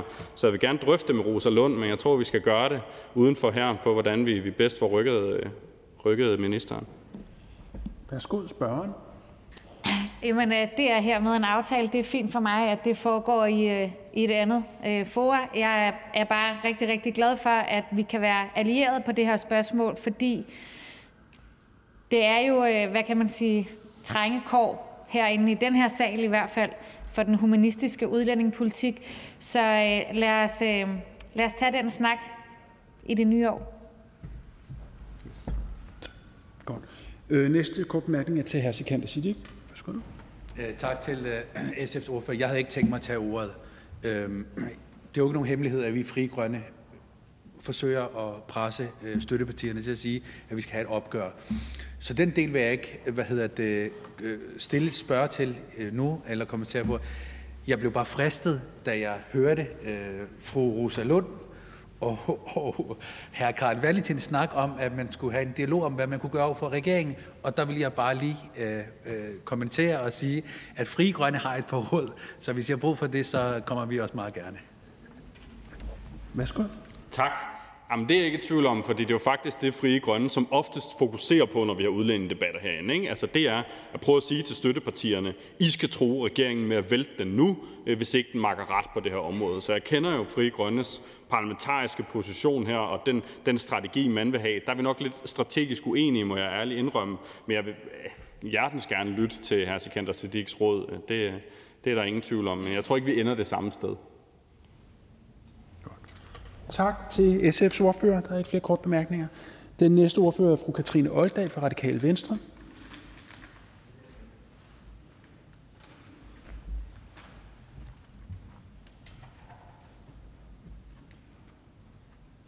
Tak. Værsgo. Tak, formand. Tak til ordførerne for en fremragende debat. Tak til stillerne for det her forslag. Det er fantastisk, at vi øh, sammen kan kæmpe den her sag, at vi kan mærke os, der stadigvæk kæmper for en humanistisk udlændingepolitik i Folketinget, at der også er en folkelig opbakning derude, at befolkningen og vælgerne bider sig fast og stiller de her borgerforslag og bruger det redskab, som jo øh, Alternativet, tak for det, engang fik indført. Øh, jeg synes faktisk, det er enormt rart, at vi på den her måde kan bringe sager, der øh, er borgerne øh, nært, og som også er radikale venstre nært. Hjemsendelsen af syrerne er en, øh, eller stop for hjemsendelsen af syrerne er også en mærkesag for radikale venstre øh, i allerhøjeste grad. Vi ser jo gang på gang, øh, og det er jo også det, vælgerne og borgerne reagerer på, hvordan skattede medarbejdere bliver hævet ud af en arbejdsplads, hvordan ens kollega pludselig får at vide, at de ikke længere kan opholde sig i Danmark. Øh, nede hvor jeg selv bor, der har det jo også drejet sig om, øh, om medarbejdere, som har øh, servicestillinger, for eksempel på et autoværksted eller øh, i, øh, i en, som, øh, som produktionsarbejder. Altså hænder, som der faktisk er mangel på. Vi ser rigtig mange virksomheder øh, ude i det, der kaldes udkends Danmark, som har mere gavn af at benytte sig af flygtninges iver efter at arbejde, end de har gavn af at henvende sig til det lokale jobcenter eller til FOF, undskyld, jeg prøver lige igen, til fagforeningerne. Øh, og øh, øh, derfor så synes jeg jo, at der er i langt stykke hen ad vejen dyb sund fornuft i at sige stop for hjemsendelse af syriske flygtninge. Øh, vi har også set en sag, hvor at, øh, eller set et, øh, øh hvordan at øh, syrerne er så skattet, at Dansk Industri Sydsjælland har kåret årets lærling, som faktisk var en syrisk flygtning i år. Og på den måde så underminerer man jo tilliden til det politiske system og til befolkningens forståelse af, hvad der er sund fornuft og hvad der ikke er sund fornuft, når man så rent faktisk hiver tæppet væk under de her borgere, som er i gang med at bevise, at de både kan og vil. Jeg ved også godt, øh, at der er øh, øh, kriminalitetsstatistikker og statistikker i det hele taget, der viser, at der også er større arbejdsløshed, og der også er større kriminalitetsudsving blandt disse grupper. Men det er jo ikke noget, som vi som samfund ikke kan håndtere. Vi har i det her land den højeste vækst i 15 år. Vi har den laveste ledighed i 12 år. Vi har 110 ubesatte stillinger på tværs af sektorer, branche efter branche, der skriger på arbejdskraft. Og så har vi en masse syriske flygtninge, som rent faktisk gerne vil have lov til at bevise, øh, at de gerne vil blive her.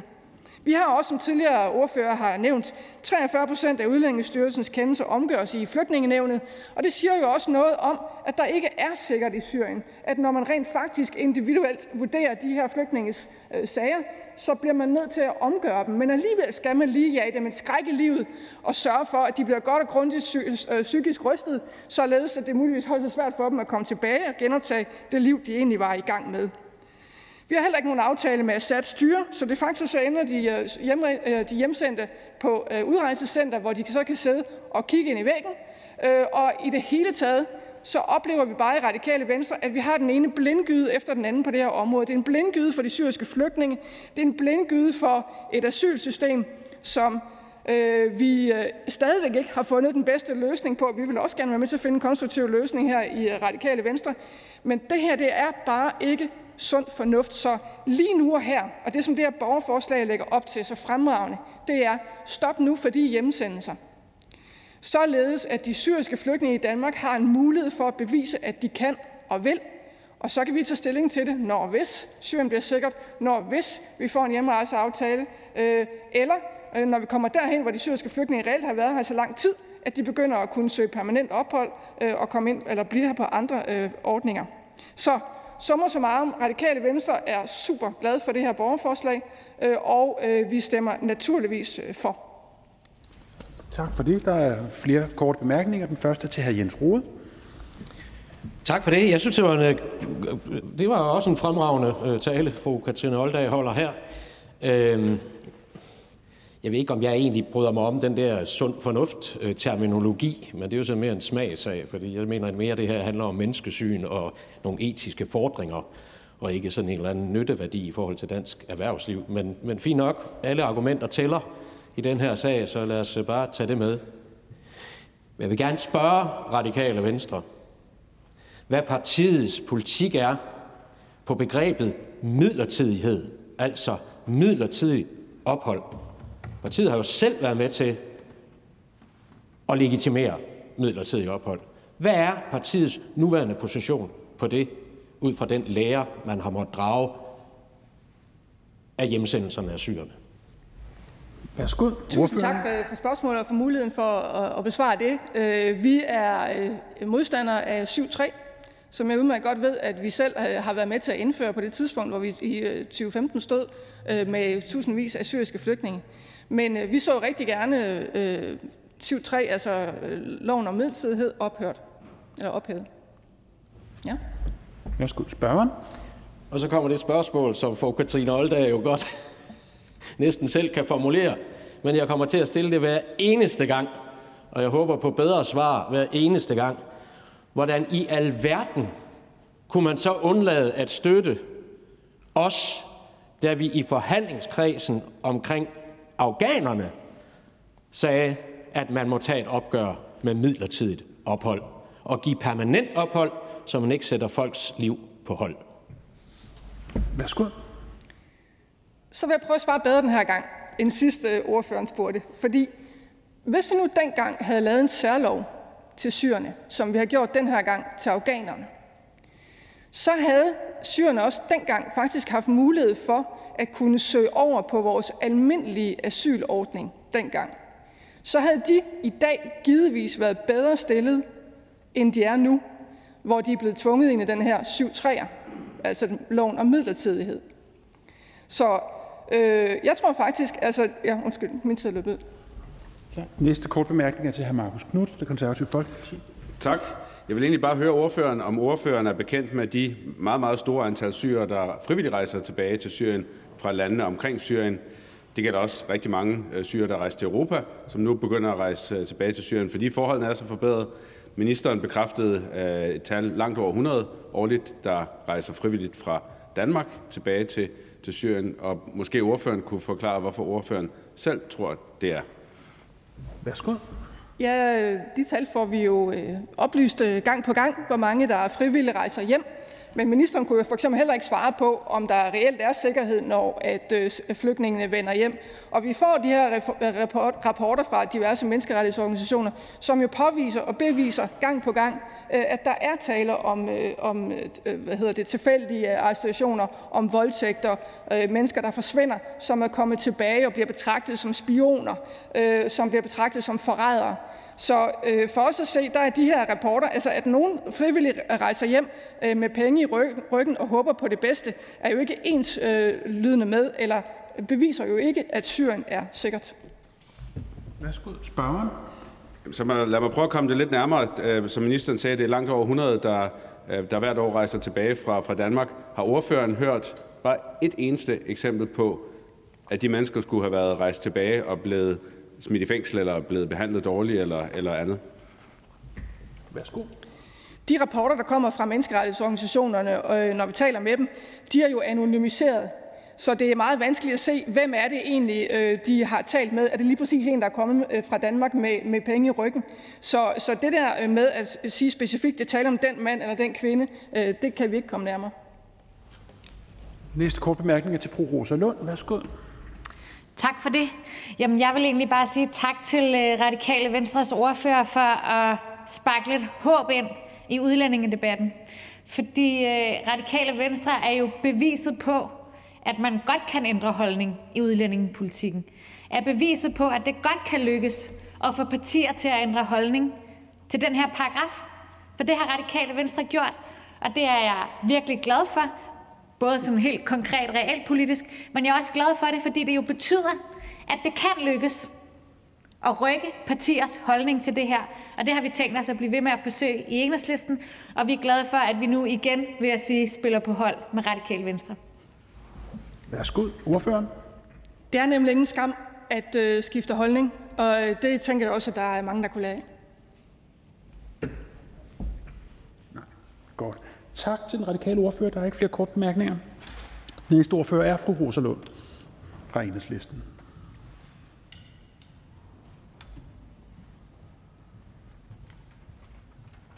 Tak.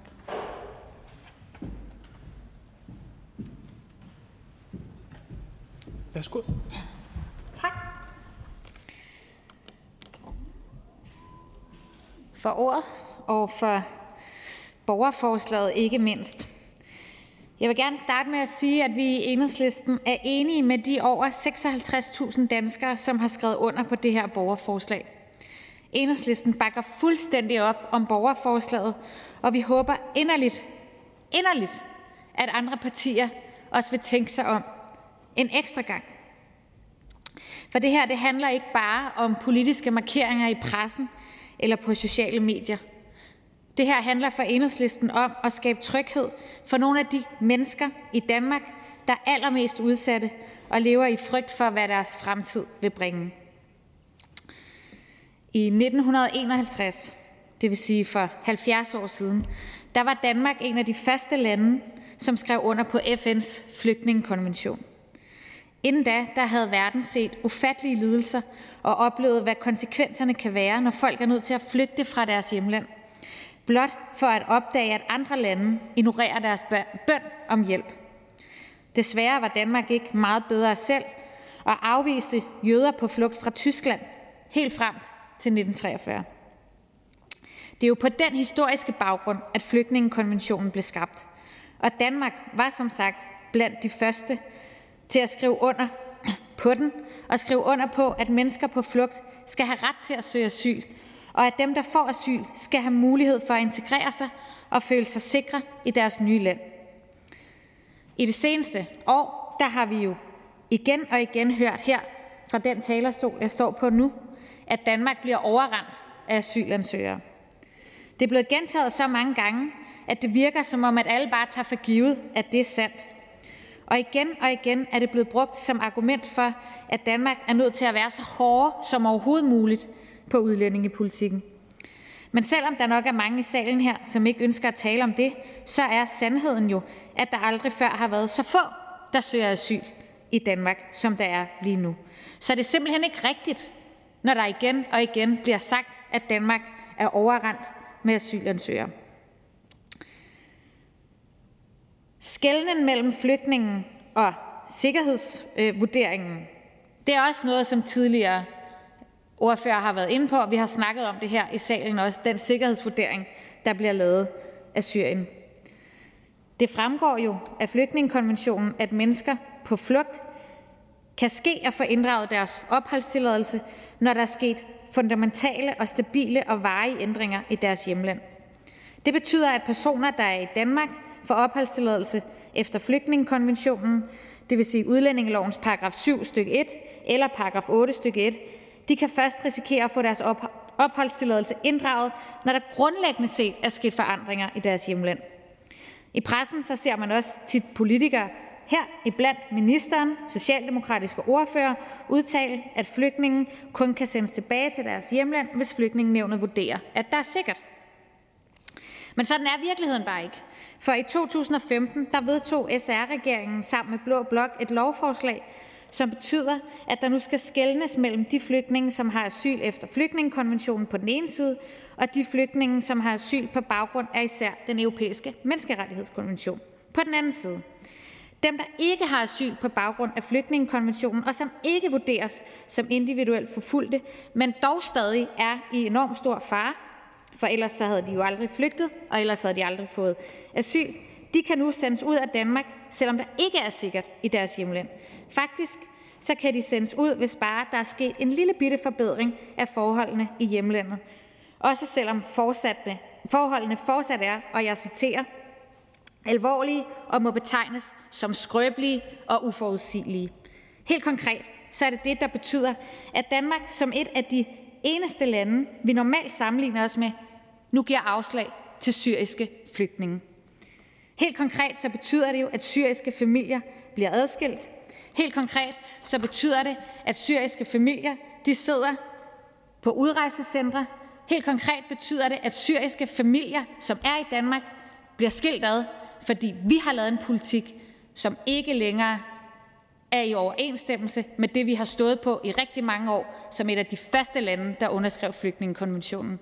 Enhedslisten bakker meget, meget varmt op om det her borgerforslag, og endnu en gang vil jeg gerne sige tak til dem, der har stillet det, og alle dem, der har skrevet under på det. Enhedslisten støtter forslaget. Tak for det. Der er en kort bemærkning fra hr. Jens Rode. Værsgo. Uden historien går vi i græsat. Sådan skriver Gregor Stirken Holmfeldt i tredje bind af sin øh, Danmarks Krønike. Øh, det kom jeg bare til at tænke på, da fru Rosa Lund holdt sin tale her. Tusind tak for at oprise historien. Tusind tak for Rosa Lunds aldrig svigtende stemme og aldrig svigtende indignation på det her område. Det giver håb, også når jeg kigger rundt i salen. Og trods alt både ser og lytter til, hvor mange stemmer der faktisk er på den linje, som fru Rosa Lund jo lister op her. Så det er bare en, en, øh, en kvittering øh, derfor. Værsgo. Tusind tak for det, hr. Jens Rode. Jeg tror, øh, hr. Jens Rode, ligesom jeg selv, kender den følelse, at man nogle gange føler sig sådan lidt alene i den her debat. Øh, så det er bare rigtig dejligt, synes jeg, at øh, vi bliver flere og flere. Tak til enhedslistens ordfører. Der er ikke flere korte bemærkninger. Den næste taler er hr. Markus Knudt, det konservative Folkeparti. Jamen, det går. Så tager vi hul på det. Tak. Ja, man skal, der skal bruges nogle stykker. Jamen, det er det. Vi kan ikke have, at her Markus Knudt han får socialistlus, jo. Nej, det går virkelig ikke. Det var ikke mig, der sagde det. Nej, det var mig. Nej, det er Jeg måtte hellere selv komme med en kæk bemærkning, før du gjorde det. Værsgo, en afluset talerstol. Mange tak til formanden og til enhedslisten. Vi i det konservative Folkeparti har det forholdsvis klare synspunkt, at man som flygtning selvfølgelig skal vende tilbage til sit hjemland, når vores myndigheder vurderer, at det er forsvarligt. Asyl er jo nu engang en midlertidig status. Man får beskyttelse i det her tilfælde i, i Danmark, indtil det er forsvarligt at vende hjem igen. Hvis vi fraviger det princip, jamen så udvikler, risikerer vi, at asyl udvikler sig til en fast-track-ordning til permanent ophold og måske sågar dansk statsborgerskab. Derudover mener vi, at man som en person, der har fået midlertidig beskyttelse i Danmark, bør rejse hjem og genopbygge sit land, når det er forsvarligt. Derudover vil vi også gerne lige slå fast, at det er altså udlændingemyndighederne i Danmark, der vurderer, om det er sikkert at vende tilbage til sit hjemland. Det er ikke noget, vi sidder med et landkort her i Folketinget øh, og, og peger på, og det synes jeg heller ikke, at det skal være. Men det er jo rent faktisk lidt det, det her beslutningsforslag ligger op til. Lige nu vurderer vores udlændingemyndigheder, at i forhold til Syrien, jamen der er det de overordnede forhold i Damaskus og Rif Damaskus øh, på øh, en, en, en, en udvikling, som man godt kan tage tilbage dertil. Og det synes vi ikke, at vi skal sidde her i Folketinget og blande os i. Derudover, som ministeren bekræftede for ikke så lang tid siden, er der allerede rigtig mange fra Syrien, der har haft ophold i Danmark, der frivilligt med hjælp fra Danmark rejser tilbage til Syrien, blandt andet med repatrieringsordningen. Det, som jeg nævnte før, sker også fra nærområderne og rundt omkring andre lande i Europa. De syrere, som ikke længere har krav på ophold i Danmark, de bør selvfølgelig også rejse tilbage. Ellers undergraver vi hele formålet med asylsystemet, og vi risikerer, at Danmark bliver en asylmagnet igen. Derfor, som jeg også gjorde nede fra min stol før, opfordrer jeg udlændingeministeren til at gøre mest muligt for, at de mennesker, som ikke længere har et opholdskrav i Danmark, skal tilbage til deres hjemland, uagtet om man kommer fra Syrien eller andre steder. Konservative kan ikke støtte forslaget. Tak. Der er en kort bemærkning fra hr. Jens Rode. Værsgo.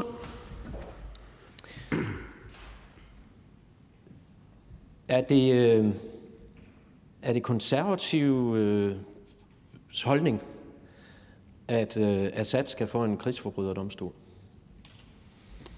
Værsgo. Det er sådan set ikke det, vi diskuterer her. Hvis det er sådan, man har begået krigsforbrydelser, så skal man selvfølgelig få en krigsforbryderdomstol. Det, vi diskuterer her lige nu, det håber jeg også, at formanden kan bekræfte mig i, det er et beslutningsforslag, der handler om, hvorvidt at vi skal sende syre, der ikke længere har ophold i Danmark, tilbage til Syrien. Værsgo, spørgeren. Jo, jo, men bagtæppet er jo sådan set vigtigt. altså, vi er nødt til at finde ud af, hvad det er for en spilleplade, vi diskuterer på. Og derfor synes jeg sådan set også, at spørgsmålet er relevant, ligesom jeg har stillet det til ministeren.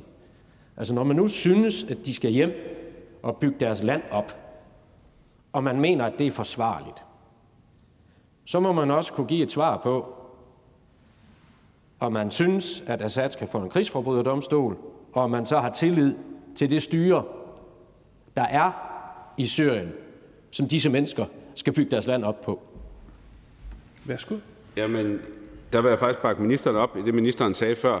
Altså, vi anerkender jo slet ikke Assad. Altså, det, det tror jeg sådan set er meget åbenlyst, men det er jo ikke det samme, som vores myndigheder ikke godt kan vurdere, at det godt kan være sikkert at være eller opholde sig i landet. Det er jo ikke sådan, så, at det at anerkende regime er det samme som, er der er 100% krig eller 100% ikke krig. Det er jo to vidt forskellige ting. Og det vi diskuterer her, det er, hvorvidt forholdene i hele eller dele af Syrien, i det her tilfælde dele af Syrien, er vurderet af vores udlændingemyndigheder som sikre at tage tilbage til, og det er jo altså det, vores myndigheder gør. Tak til den konservative ordfører. Der er ikke flere korte bemærkninger. Den næste ordfører er hr. Sikander Siddiq fra De Fri Grønne.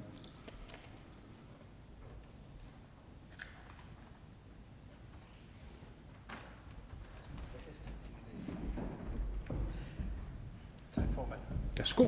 Tak. Tak for ordet, formand. Først og fremmest vil jeg gerne starte med at sige uh, tak til forslagsstillerne, og uh, tak uh, til de 56.000, over 50.000 borgere, der har stemt øh, for det her forslag, og giver os mulighed for at diskutere øh, det her meget vigtige forslag. Lad mig starte med at sige, at Frie Grønne bakker fuldstændigt op om forslaget. Vi er helt enige, øh, og vi håber, at øh, det her forslag og den videre behandling kan være med til at skabe øh, den forandring, der er brug for på flygtninge- og udlændingeområdet. For den her paragraf, som vi taler om, den bliver gang på gang brugt til at legitimere de umenneskelige forhold, vi udsætter lige nu vores syriske flygtninge og også andre flygtninge for. Vi burde slet ikke have en lov i Danmark, der giver mulighed for, at vi kan sende flygtninge tilbage til Syrien i den nuværende situation. Vi skal altså gøre op med midlertidighedsprincippet. Vi skal acceptere, at flere flygtninge i vores samfund, øh, for der kommer flere af dem. Det er skamfuldt, at Danmark har lukket dets grænser på denne måde, specielt når vi er så velhavende et land. Vi er det eneste land i Europa, der har valgt at indrette vores lovgivning på denne måde og sender folk tilbage til Syrien. Flygtninge er mennesker i nød, og de har en plads i vores samfund. Det skal de i hvert fald have. Vi skal løfte vores ansvar, selvom vi er en lille nation. Og helt grundlæggende skal vi sikre levevilkårene for dem, der allerede er her. Man skal kunne leve i Danmark uden frygt for at blive sendt tilbage til død ødelæggelse og krig.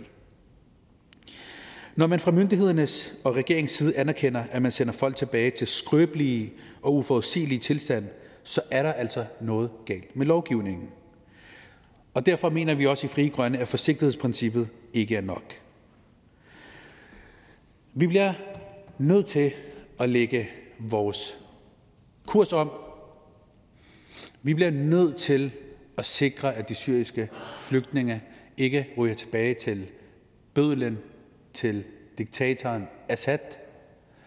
Og vi bliver nødt til at respektere og acceptere, at der nu er stille, forsigtigt, men sikkert ved at være flere og flere borgere i Danmark, som ønsker at tage et opgør med den her Øh, øh, inhumane flygtningepolitik. Så Frie Grønne bakker fuldstændig op om forslaget øh, og opfordrer også regeringen til at støtte op om forslaget. Tak for ordet.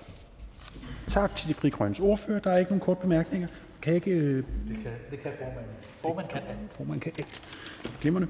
Så er den næste taler her Torsten Gej fra Alternativet.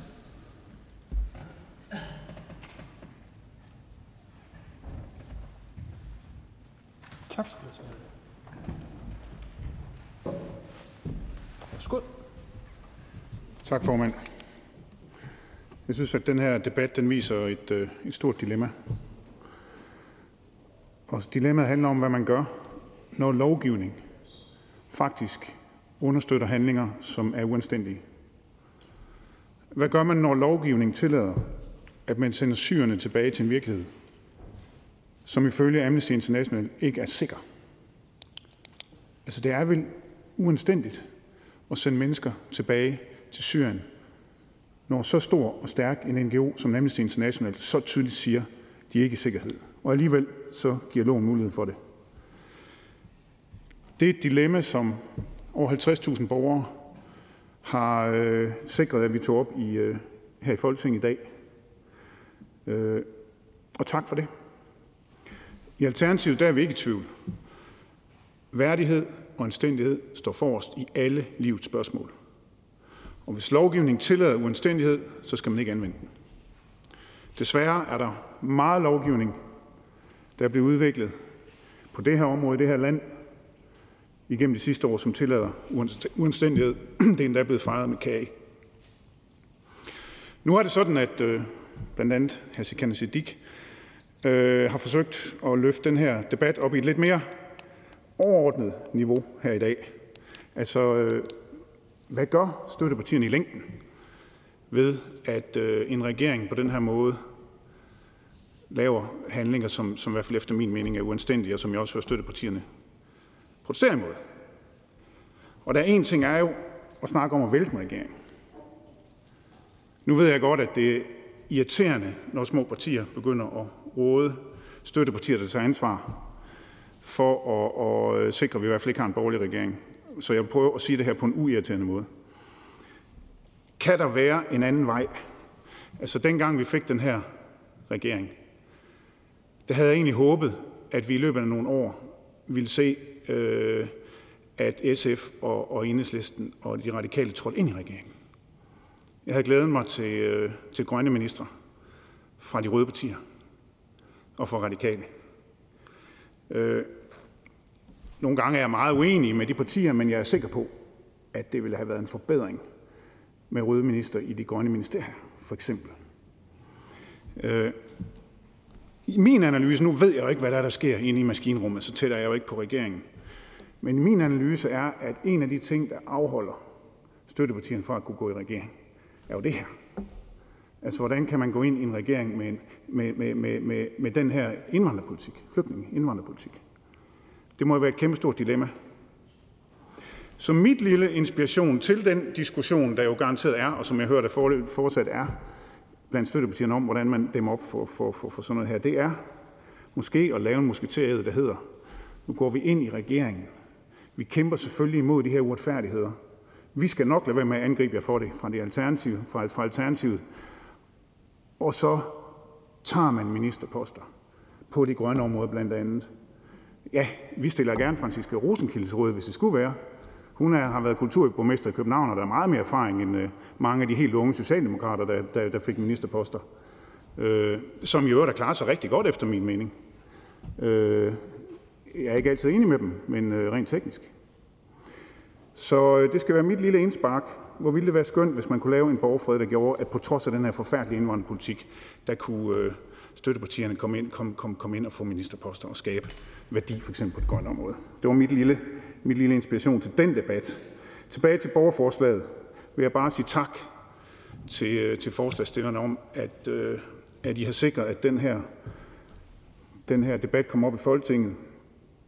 Det er klart, at det er svært at vriste, vriste øh, regeringen ud af sit, det spor, som, som, som, som indvandrer flygtningepolitikken svært taget. Men jo mere det kommer op, jo mere vi diskuterer det, jo mere vi blotlægger det, jo mere vi lyser på det, jo mere vil anstændigheden forhåbentlig vinde indpas. Øh, Alternativet stemmer for borgerforslaget. Tak for Tak. Der er en enkelt kort bemærkning fra hr. Markus Knudt. Værsgo. Jamen, det, det var en meget interessant ordførertale. Tak, tak for det. Jeg, jeg skal bare lige være helt sikker på, at jeg forstår det rigtigt, at partiet Alternativet opfordrer Radikale Venstre og SF til at gå ind i regeringen øh, acceptere den udlændingepolitik, der bliver ført, som ikke er lige så stram som den, vi gerne vil føre, men som, som trods alt er, øh, er en nogenlunde fornuftig linje på, på nogle punkter. Altså opfordre Alternativet, SF og Radikale Venstre til at bakke op. Og, øh, og det betyder jo, at hvis man går ind i en regering, så stemmer man jo ens om regeringens udlændingepolitik. Også gerne enhedslisten, men jeg er sikker på, at det vil skabe værdi også på det her punkt, fordi at man så fik en chance for at kæmpe på de indre linjer mod den her indvandrerpolitik. Godt. Mange tak til hr. Torsten Gejl fra Alternativet. Den næste ordfører er Jens Rode. Fra, undskyld, må jeg ikke, undskyld, må jeg ikke ja. Og, ah, må det være. Regler og regler. Øhm, den næste ordfører er Jens Rode fra Kristendemokraterne. Værsgo. det. Jeg tror altså, simpelthen ikke, øh, at Thorsten Geil, at det er viljen, der mangler i støttepartierne. Ikke meget bekendt til at gå i regering. Problemet er, at man nok snarere man ikke er inviteret. Og det er jo ikke nogen skam ikke at komme til festen, hvis man ikke er inviteret. Øh, men måske øh, der kan ændres på det. Jeg ved ikke, hvordan det kommer til at se ud for os andre. Hvis jeg kigger over på den borgerlige fløj, KD er jo et borgerligt parti og har et borgerligt udgangspunkt. Og der må jeg jo så erkende, at der, der står man godt nok meget alene med det humanistiske synspunkt, og jo helt alene i støtten til det her selvfølgelige borgerforslag, for det burde være selvfølgeligt, at vores politik var sådan. Øh, men øh, som Henrik Ibsen øh, som Henrik Ibsen skriver i en øh, folkefjende, Dr. Stockmans sidste ord i femte akt. Den, der står ene, står stærkest her i verden. Og så må man jo så kæmpe sine kampe øh, derfra. Så øh, der kan man godt en gang imellem føle en lille smule afmagt, men jeg kan jo så blive stærkt begejstret og optændt af håb når jeg rent faktisk hører, hvor mange stemmer der her i salen, ventilere de synspunkter, der ligger på linje med det borgerforslag, som vi har her i dag. Og så var det, jeg tænkte, kunne vi ikke bare lave den regel, at dem, der er i salen, udgør flertallet? Vi kan bare gøre det midlertidigt. Så havde vi jo flertallet for at støtte borgerforslaget i dag. Herude i vores øh, gadekryds, ude på vejene, der opsætter man overalt efterhånden sådan nogle sekundtællere, så vi ved, hvornår vores liv ikke længere er på hold, hvornår vi kan få lov til at gå over fodgængerfeltet. Det gør man, fordi det er med til at øge trafiksikkerheden.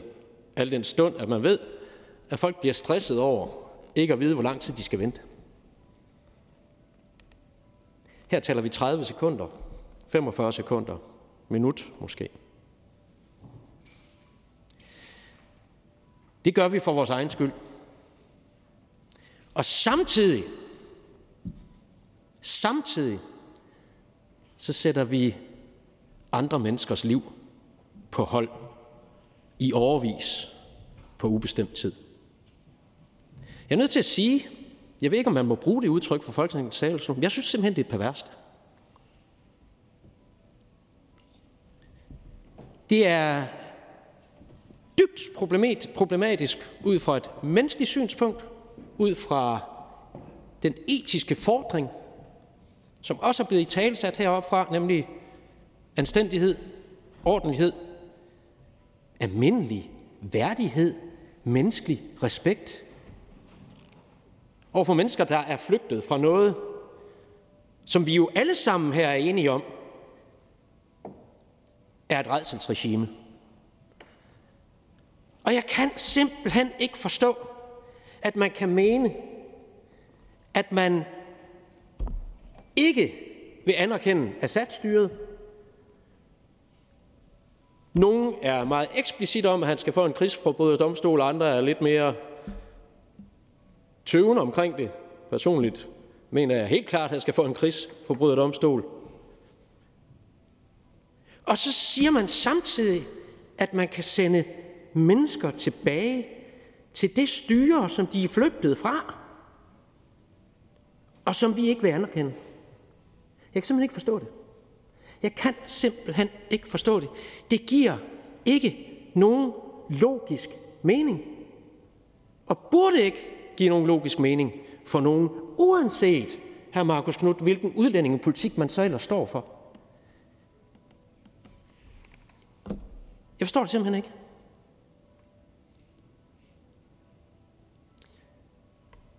Som jeg nævnte, så skriver Gregor Stirken Holmfeldt, at uden historien går vi græsat.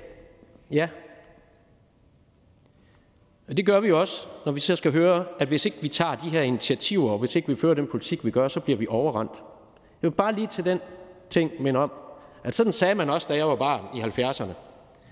Dengang var der 78 procent af verdens fordrevne og flygtninge, der opholdt sig i nærområderne. I dag der er det 88. Det tal synes jeg godt, man lige kan tage med i historien. Vi bakker naturligvis helhjertet op om dette borgerforslag. Tak for Tak til ordføreren. Der er en række korte bemærkninger til ordføreren, og det er først til fru Katrine Olddag, Radikale Venstre. Værsgo. Tak for det, og tak for en øh, glimrende tale. Der er jo som regel altid svung på, når ordføreren er på stolen. Og øh, jeg bemærker jo også både øh, ordførerens øh, forskellige øh, udmeldinger øh, forskellige steder, at, øh, at ordføreren har fået en meget sådan, kristen og blød og humanistisk medfølende øh, tilgang, blandt andet til udlændingepolitik. Men det havde ordføreren jo sådan set også allerede dengang, øh, ordføreren var medlem af Venstre. Og en af grundene til, at ordføreren skiftede til radikale Venstre, var jo netop på grund af udlændingepolitikken. Hvordan, og nu lægger ordføreren selv op til det ved at lægge ud med at tale om parlamentarik, Hvordan kan ordføreren så forsvare, at kristendemokraterne øh, støtter Blå Blok, når det nu er sådan, at den samlede Blå Blok til hver en tid vil stemme imod sådan en type forslag, som vi har her? Ordføreren? Ja, men det er jo den samme problematik, som øh, fru Katrine Oldag øh, sidder i, og jeg har jo selv øh, deltaget på radikale gruppemøder og oplevet, hvor stor frustrationen er over den faktiske situation. Men igen, der er jo kun én ting at gøre, det er at kæmpe fra det standpunkt og fra det sted, hvor man står. Jeg mener ikke, at man, fordi man er borgerlig, behøver at medbringe det, jeg oplever som en ufattelig kynisme og, øh, og en, en, en offring af gode borgerlige liberale værdier på magtens alter. Det anerkender jeg simpelthen ikke. Øhm, og jeg tror jo på, at jo flere stemmer, der ventilerer, også blandt borgerlige, at det her, det mener vi grundlæggende er forkert, jo stærkere bliver vi sammen på midten. Og forhåbentlig kan vi være med til at trække noget den anden vej. Og vi skal jo så være dem, der sikrer, at en kommende borgerlig regering ikke regeres på baggrund af en afhængighed, der hedder Nye Borgerlige og Dansk Folkeparti. Og det kan jeg også garantere for, at det kommer vi heller ikke til at støtte eller legitimere. Det er 100 procent sikkert. Fru Katrine Olddag. Hr. Jens Rode og Kristendemokraterne har jo virkelig i sagens bogstaveligste, eller i ordets bogstaveligste forstand, påtaget sig en post ved det at være det udlændingepolitiske boldværk op imod øh, den, øh, den side af, af salen. Radikale Venstre har trods alt aldrig nogensinde erklæret, at vi vil støtte en øh, borgerlig øh, regering, øh, med mindre at der kommer nogle udlændingepolitiske indrømmelser. Så jeg håber selvfølgelig også naturligvis, at kristendemokraterne vil stille nogle krav til Blå Blok, hvis de skal støtte op. Så kan ordføreren måske allerede i dag øh, blotlægge, hvad er det for et krav, kristendemokraterne har med øh, til et, øh, en blå regering, hvis det er sådan, at øh, I skal støtte op. Undskyld, hvis øh, partiet skal støtte op. Ordføreren? Ej, det vil nok være lidt øh, voldsomt at bruge 30 sekunder lige til at smide forhandlings, øh, et forhandlingsmandat op. Men vi har jo sagt meget klart, at vi kommer til at stille det krav, eller den opgave til en kommende statsministerkandidat for det borgerlige Danmark, at der skal arbejdes hen over midten. Man må gerne også, altså vi udelukker sådan set ikke nogen på, på forhånd, men afhængighed af Nye Borgerlige og DF, det er et fuldstændig no-go fra vores side. Og grund til, at jeg siger det så klart, det er, at jeg jo Venstre har oplevet, hvordan det er at leve på afhængighed af Dansk Folkeparti, og hvordan det er med til at trække et parti og midterpositionen længere og længere og længere ud mod højre, desværre ofte uden man selv opdager det. Næste kort bemærkning er til hr. Markus Knudt, Konservativ Folkeparti. Værsgo. Tak. Jamen, jeg vil egentlig bare høre hr. Jens Rode, om uh, hr. Jens Rode har tillid til de danske udlændingemyndigheder. De sidder jo netop på objektiv basis og kigger på, hvilke dele af lande, uh, lande og områder rundt omkring i verden, at det er forsvarligt at sende folk tilbage til. Men det her Jens Rode jo forsøger at gøre her, det er at lave en eller anden form for politisering af den proces. At det er her Sikander Siddiq og Jens Rode og mig, der skal sidde med et landkort og sige, ja, men det der er sikkert, og det der, der oh, jeg har også talt med nogen. Så helt ærligt, stoler her Jens Rode på de danske udlændingemyndigheder? Hvorfor? Ah, Markus Knudt, det var lidt af en stråmand at lave det. Det har jeg faktisk ikke gjort. Jeg har slet ikke talt om de danske udlændingemyndigheder. Jeg synes måske, det er lidt, hvis vi endelig skal tale om det, Øh, spektakulært, at man for eksempel øh, beslutter sig for at vurdere, at Somalia er et sikkert sted at opholde sig, når man gør det fra en lufthavn, som man får at vide, man ikke kan forlade, og så bygger sine vurderinger derudfra. Men lad det nu ligge. Det er slet ikke udlændingemyndighedernes forvaltning af loven, som jeg angriber her. Det er loven. Jeg er simpelthen fundamentalt imod midlertidighed. Og hvis hr. Markus Knudt ville læse, øh, apropos historien, ikke øh, øh, den, den tyske øh, øh, filosof, som jeg jo ofte har nævnt, Arndt, ikke Isabella Arndt, men så ville hr. Markus Knudt også vide, hvad det er, det gør ved mennesker at blive sat på hold i deres liv og føle, at de ikke har en plads i verden.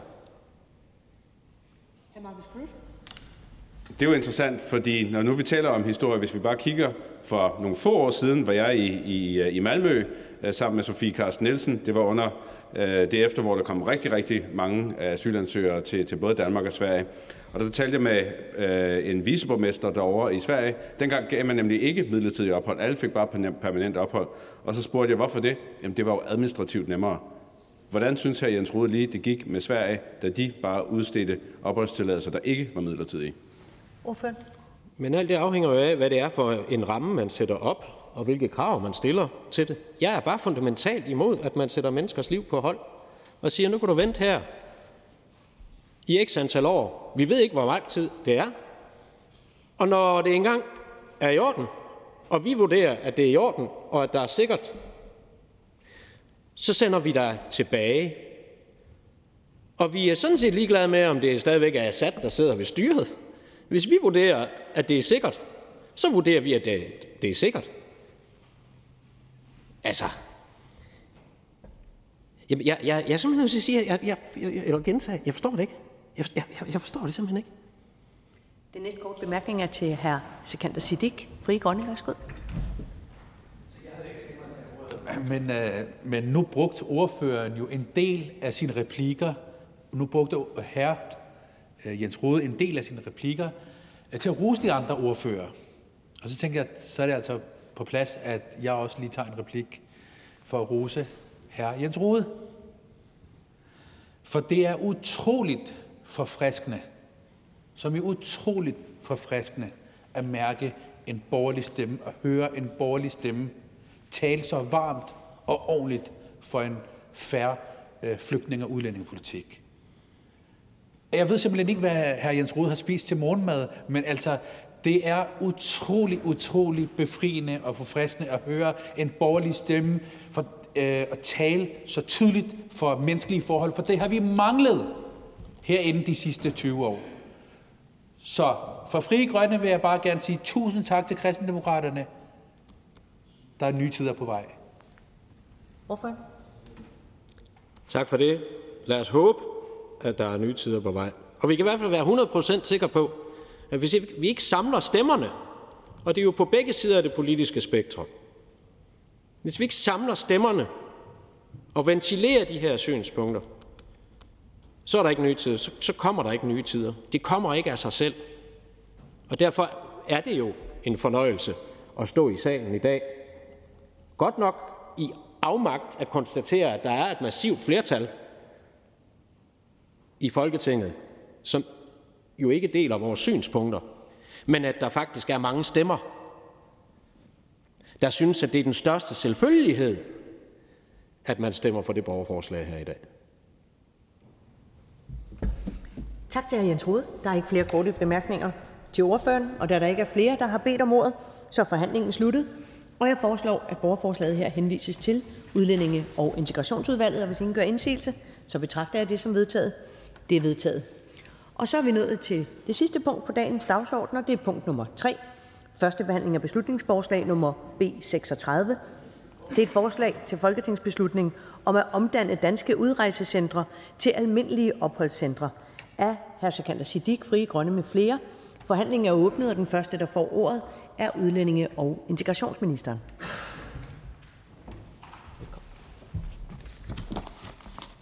Tak til formanden for ordet, og tak for beslutningsforslaget for en anledning til at drøfte, synes jeg selv, et vigtigt emne. Forslagsstillerne ønsker, at regeringen sikrer den fornødne hjemmel til at nedlægge udrejsecentrene Sjælsmark, Avnstrup og Kærshovedgård samt Udlændingecenter Ellebæk og omdanne dem til almindelige opholdscentre. Forslagsstillerne ønsker også, at driftsstyringen af de pågældende centre ændres, så driften fremadrettet kan varetages af humanitære hjælpeorganisationer. Lad mig først og fremmest fremhæve, at de indkvarterede på udrejsecentrene Sjælsmark, Avnstrup og Kærshovedgård ikke har lovligt ophold i Danmark. Det samme gælder som udgangspunkt for de indsatte på Udlændingecenter Ellebæk. Det er en vigtig prioritet for regeringen, at folk uden lovligt ophold rejser hjem. Derfor er jeg også enig med forslagsstillerne så langt, at jeg helst så, at der ikke var behov for at indkvartere udlændinge på et udrejsecenter. Men jeg vil også sige, at regeringen har ikke planer om at ændre på, at udlændinge uden lovligt ophold i Danmark skal indkvarteres på et udrejsecenter. Når folk uden lovligt ophold i Danmark indkvarteres på et udrejsecenter, er det for at sende et tydeligt signal om, at opholdet i Danmark er slut. Overflytningen til et udrejsecenter skal derfor være med til at forberede udlændingen mentalt på den nye situation.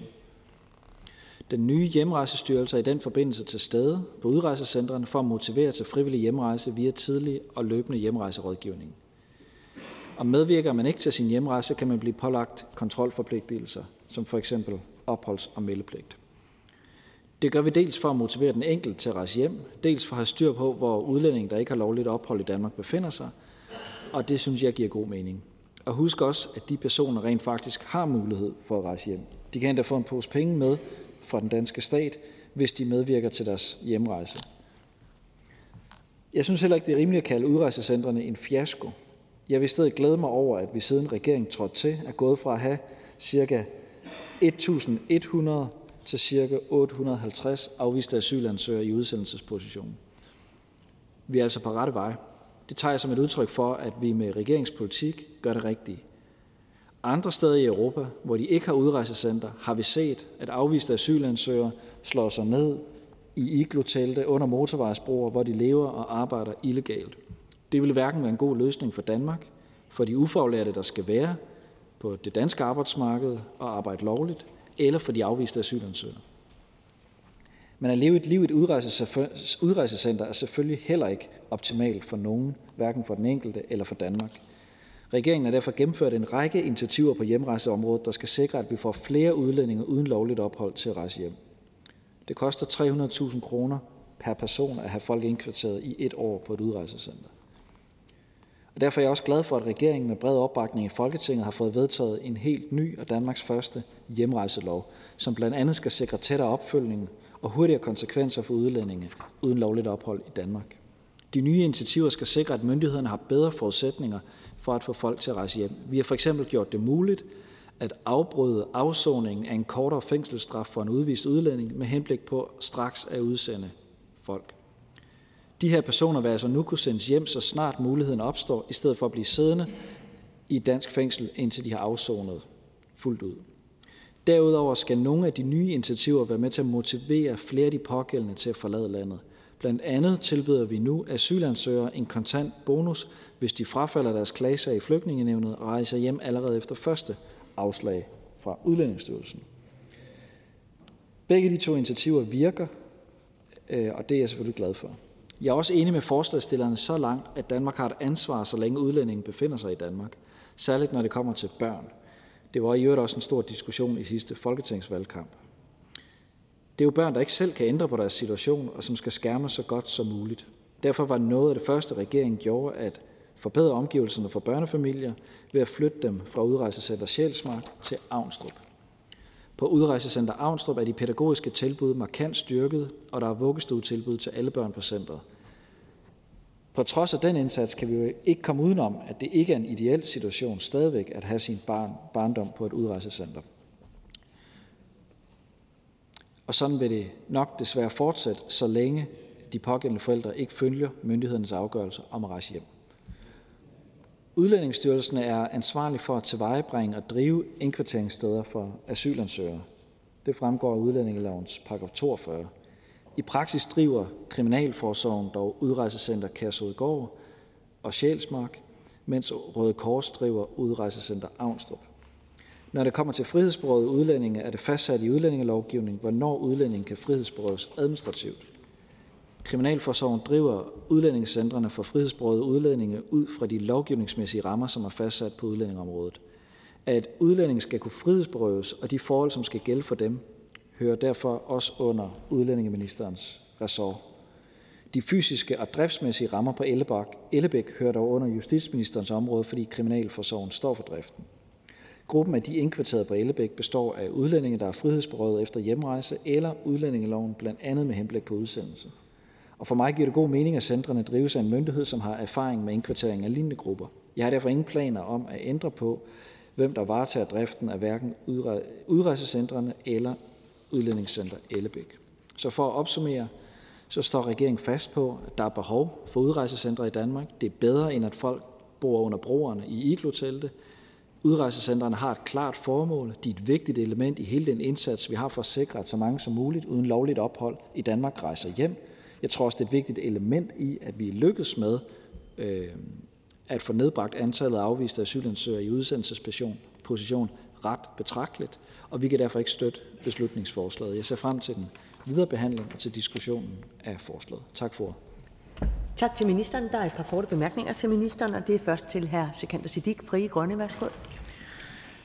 Øh, tak for ordet. Tak til ministeren. Øh, Frie Grønne er naturligvis ked af, at, øh, at regeringen ikke støtter op om de her, det her forslag. Fordi de her udrejsecenter, det er altså øh, noget af det værste af, af det asylhelvede, øh, vi har i Danmark. Til spørgsmålet.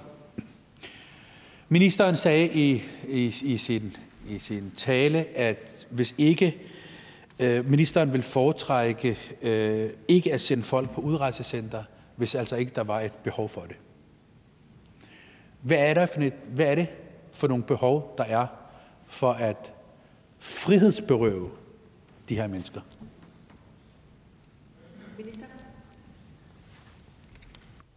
Jeg vil lige holde fast i, at dem, der bor på de tre udrejsecentre, er ikke frihedsberøvet. Mange af dem har fået afslag på asyl og har derfor ikke noget lovligt opholdsgrundlag i Danmark. I andre europæiske lande siger man til de mennesker: Forlad venligst vores land, og så har man ikke mere styr på det.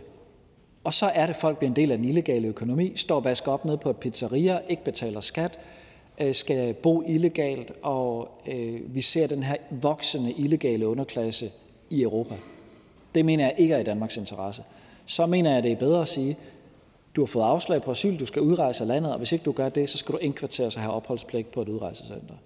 De er ikke frihedsbrød på det udrejsecenter, men de har ofte meldepligt, som betyder, at de skal melde, at de bor der. Hr. Sikander Siddiq. Men stadig bliver jeg bare nødt til at spørge, altså hvad er det for et behov, øh, ministeren og regeringen ser for for eksempel at adskille forældre fra deres børn, bedsteforældre fra deres børn, til at rådne op i ensomhed, alene, væk fra deres familier, i rigtig, rigtig mange år. Hvad er det for et behov, der gør, at man siger, nu splitter vi familien ad, nu splitter vi jer ad, og nu får I forældre lov til at bo på det her udrejsecenter, mens jeres børn bor andre steder. Hvad er det for nogle behov? Minister? Altså, afviste asylansøgere eller udvisningsdømte, som ikke har børn, de vil være på udrejsecenter Sjælsmark eller udrejsecenter Kærsudgård som udgangspunkt. Dem, der har børn, de bor selvfølgelig sammen med deres børn på udrejsecenter Avnstrup. Så er det rigtigt, at en gang imellem sker der det, at man for eksempel har mulighed for at udsætte nogle mennesker. Man har mulighed for at få et fly til at lette og lande i en lufthavn i udlandet, hvor de mennesker skal sættes af. Og der sker det nogle gange, for at sikre, at familien ikke går under jorden, at den ene person, en voksen i familien, i en kortere periode bliver frihedsberøvet på udrejsecenter Ellebæk med henblik på at kunne effektuere udsendelsen. Det er ikke noget, der foregår i evigheder. Det er noget, domstolene tager stilling til hver eneste gang og skal sikre, at det er det mindst indgribende foranstaltning, og at det er proportionalt, og alle de normale retsgarantier, der findes. Det er det, vi blandt andet bruger udrejsecenter Ellebæk til. Alternativet er jo, at når folk får at vide, at de skal flyve på tirsdag, at så går de under jorden, så kan vi ikke komme i kontakt med dem, og så får vi dem aldrig udsendt. Jeg er med på, at det er et hårdt system, det her, men det er den måde, man kan få asylpolitikken øh, til at fungere, og vi kan få retsstaten til at fungere og sikre, at vi kan effektuere de afgørelser, der faktisk er truffet. Næste kort bemærkning er til fru Rosa Lund, Enhedslisten. Værsgo. Tak for det. Jeg har jo mange ting, jeg gerne vil spørge ministeren om omkring udrejsecentre, men øh, man har jo kun x antal minutter og to kort bemærkninger. Så jeg vil gerne spørge ministeren konkret til Udlændingscenter Ellebæk, fordi ministeren siger, at det ligger under Justitsministeriet. Der er det bare lidt sjovt, at hver gang vi spørger justitsministeren til Udlændingscenter Ellebæk, så mener han, at det er udlændingeministerens ansvar, fordi at dem, der sidder på Udlændingscenter Ellebæk, jo ikke er kriminelle. Deres kriminalitet i gåseøjne er sådan set bare, at de afviste asylansøgere og ikke har overholdt deres meldepligt. Så jeg kunne bare godt tænke mig, at der dog var én minister i regeringen, som tog ansvar for de forhold, der er på Udlændingscenter Ellebæk, i stedet for at bruge det som sådan en kastebold. Jeg mener faktisk, at de mennesker, der sidder der, sidder der under urimelige og umenneskelige vilkår i forvejen, og vi vil da gerne i Enhedslisten vide, hvilken minister det er, vi skal diskutere det med. Minister? Øh, jeg mindes, at justitsministeren og jeg øh, flere gange har været i samråd i Folketinget omkring forholdene på udrejsecenter Ellebæk, og det synes jeg også er fornuftigt, at hvis man ønsker at diskutere de forhold, så har man også begge to til stede, fordi den lovgivning, som danner rammerne om, at der er mulighed for frihedsberøvelse, er skrevet ind i udlændingeloven, og dermed noget, jeg har ansvar for. De konkrete forhold, hvorvidt man kan have en mobiltelefon, og hvor store øh, øh værelserne er, og hvor høje hegnene er, det er noget, der drives af Kriminalforsorgen, og derfor noget, justitsministeren har ansvar for. Fru Rosa Lund. Nå, hvis det både er justitsministeren og udlændingeministeren, hvorfor har regeringen så ikke sendt begge ministre i salen i dag, når man ved, at her ligger et beslutningsforslag, som handler om udlændingscenter Ellebæk? Altså, øh, uagtet vores uenigheder mellem enhedslisten og regeringen på det her spørgsmål, kan udlændingeministeren så ikke godt se, at det er lidt urimeligt, at man ikke ved, hvor man skal tage den her diskussion? Jeg mindes også, at både justitsministeren og udlændingeministeren har været i samråd, nok fordi jeg selv har indkaldt dem. Minister? Altså, i dag repræsenterer jeg jo regeringen, og vi ønsker ikke at støtte det her beslutningsforslag, og jeg står gerne på mål for øh, diskussionen og tager de diskussioner, der skal til for at få behandlet det her beslutningsforslag. Og vi mener ikke, det vil være rigtigt at lukke Udlændingscenter Ellebæk øh, og sige, at de mennesker, der i dag er indkvarteret på Udlændingscenter Ellebæk, skal indkvarteres på et almindeligt opholdscenter. Og det er jo det, der er indholdet af beslutningsforslaget. Det er det, vi ikke er tilhængere i. Tak til ministeren. Der er ikke flere korte bemærkninger til ministeren. Og så kan vi påbegynde ordførerrækken, og første ordfører kommer fra Socialdemokratiet. Tak.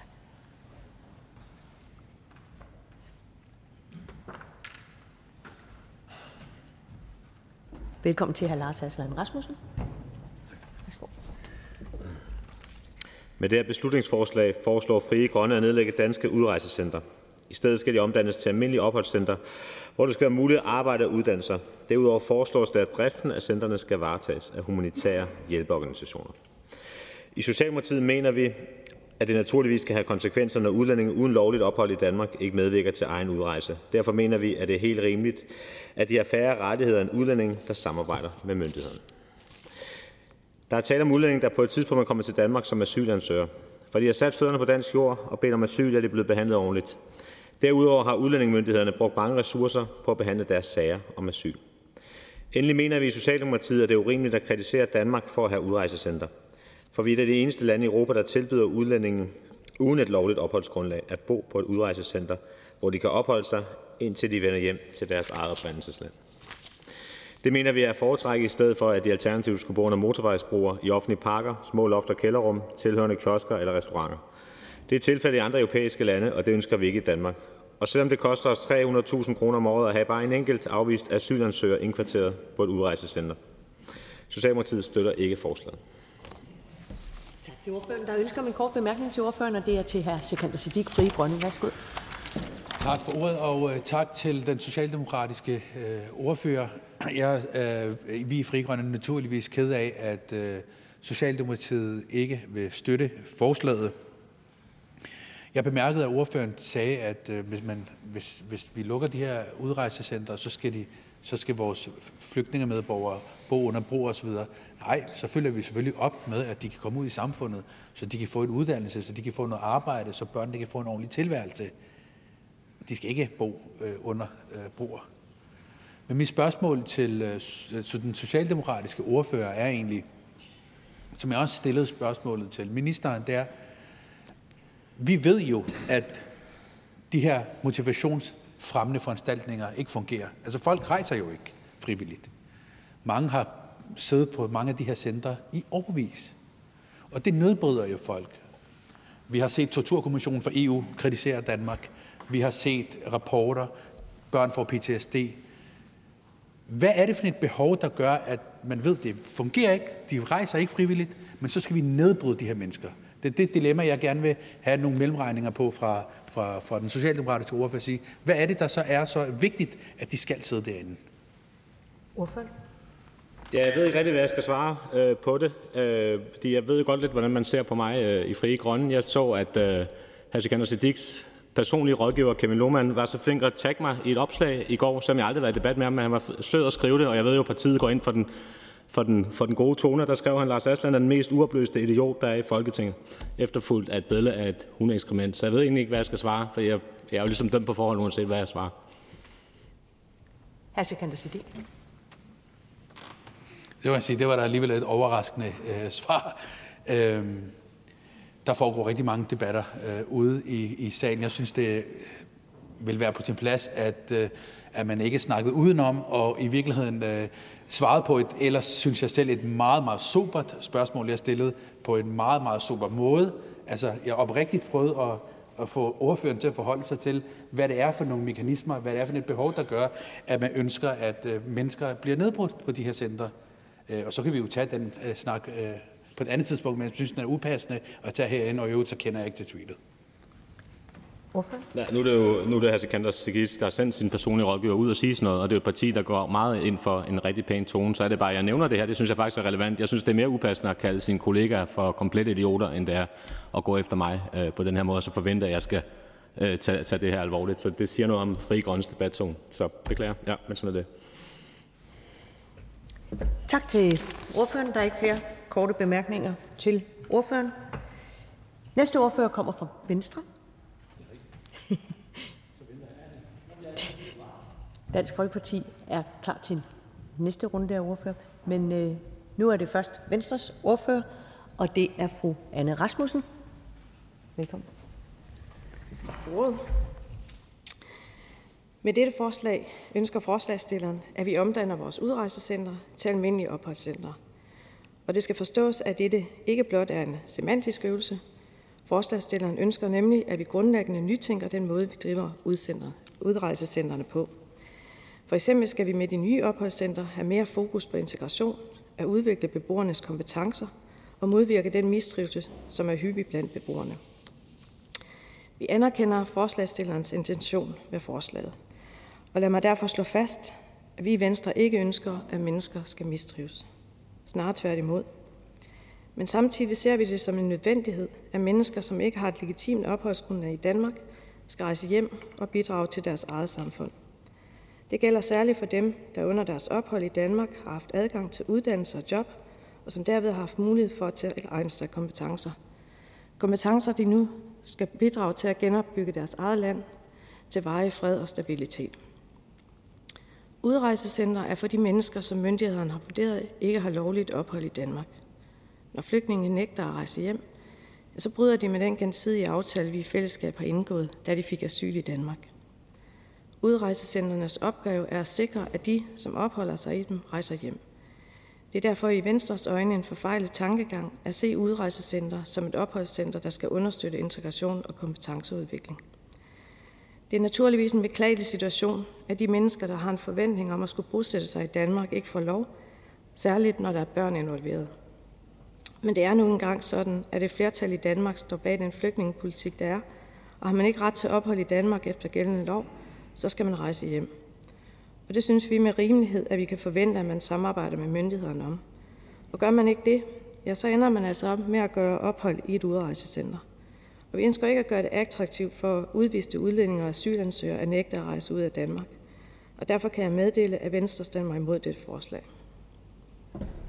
Tak til Venstres ordfører. Der er ingen... Jo, den kom lige til. Det er også i orden. Der er en kort bemærkning til hr. Sikander Siddiq, Fri Grønne. Tak til øh, Venstres ordfører. Øh, jeg blev jo mærke i, at ordføreren sagde, at, øh, at det selvfølgelig er det uheldigt, at folk de mister lysten til livet, og folk mister lysten til, Øh, at det kan nedbryde folk osv. Og derfor vil jeg egentlig også gerne spørge ordføreren om at så sige, Fær nok, man går ind for en stram udlændingepolitik og stram flygtningepolitik. Men vi kan jo se, at de her motivationsfremmende foranstaltninger, de ikke virker. Folk rejser ikke. Så borgere bor her i mange, mange år. Børn bliver voksne. Det nedbryder folk. Folk får PTSD. Det smadrer livskvaliteten. Hvad tænker Venstre om den situation? Fordi vi kan også heller, jeg tænker, at vi kunne heller ikke fortsætte sådan der som samfund. Jamen, vi synes, det er en rigtig uheldig situation. Øhm, men det er jo ikke sådan, at øh, det er et bevidst forsøg på at nedbryde folk. Altså udrejsecenterne, det er jo for at, øh, til for, at folk skal rejse hjem. Og vi ønsker, at folk skal tage et ansvar. Altså de har været her, og de har fået asyl, når der er øh, vurderet, at de ikke længere har ret til asyl, så skal de samarbejde med myndighederne og rejse hjem. Så de må også et eller andet sted selv tage ansvar for, at de bringer sig i den situation, at de ikke rejser hjem. Okay, og, og, og, der er det jo så, og der er det så der, jeg siger, lad os sige, at de her forældre, bare just for the sake of the argument, for argumentets skyld siger vi, okay, de her forældre, de svigter børnene ved ikke selv at rejse, så børnene får den her øh, øh PTSD, de får, altså det, det er simpelthen ikke godt for børnene, det nedbryder børnene. Men hvad så med børnenes tag i sådan et udviklet land som os? Burde vi så ikke som samfund sige, at det her det er ikke optimalt? Og hvis forældrene ikke tager det ansvar for argumentets skyld, fint, de tager ikke ansvaret, men så må vi som samfund i hvert fald sikre børn, barnets tag og sørge for at tage ansvar for de børn og, og sikre nogle ordentlige forhold. Altså, jeg ville ønske, der var en, øh, en løsning på den situation, og jeg synes, det er forfærdeligt at se, at børn bliver holdt øh, gissel øh, i de her situationer. Det vil jeg, og vi vil gerne være med til at se på, hvordan vi kan forbedre børnenes situation.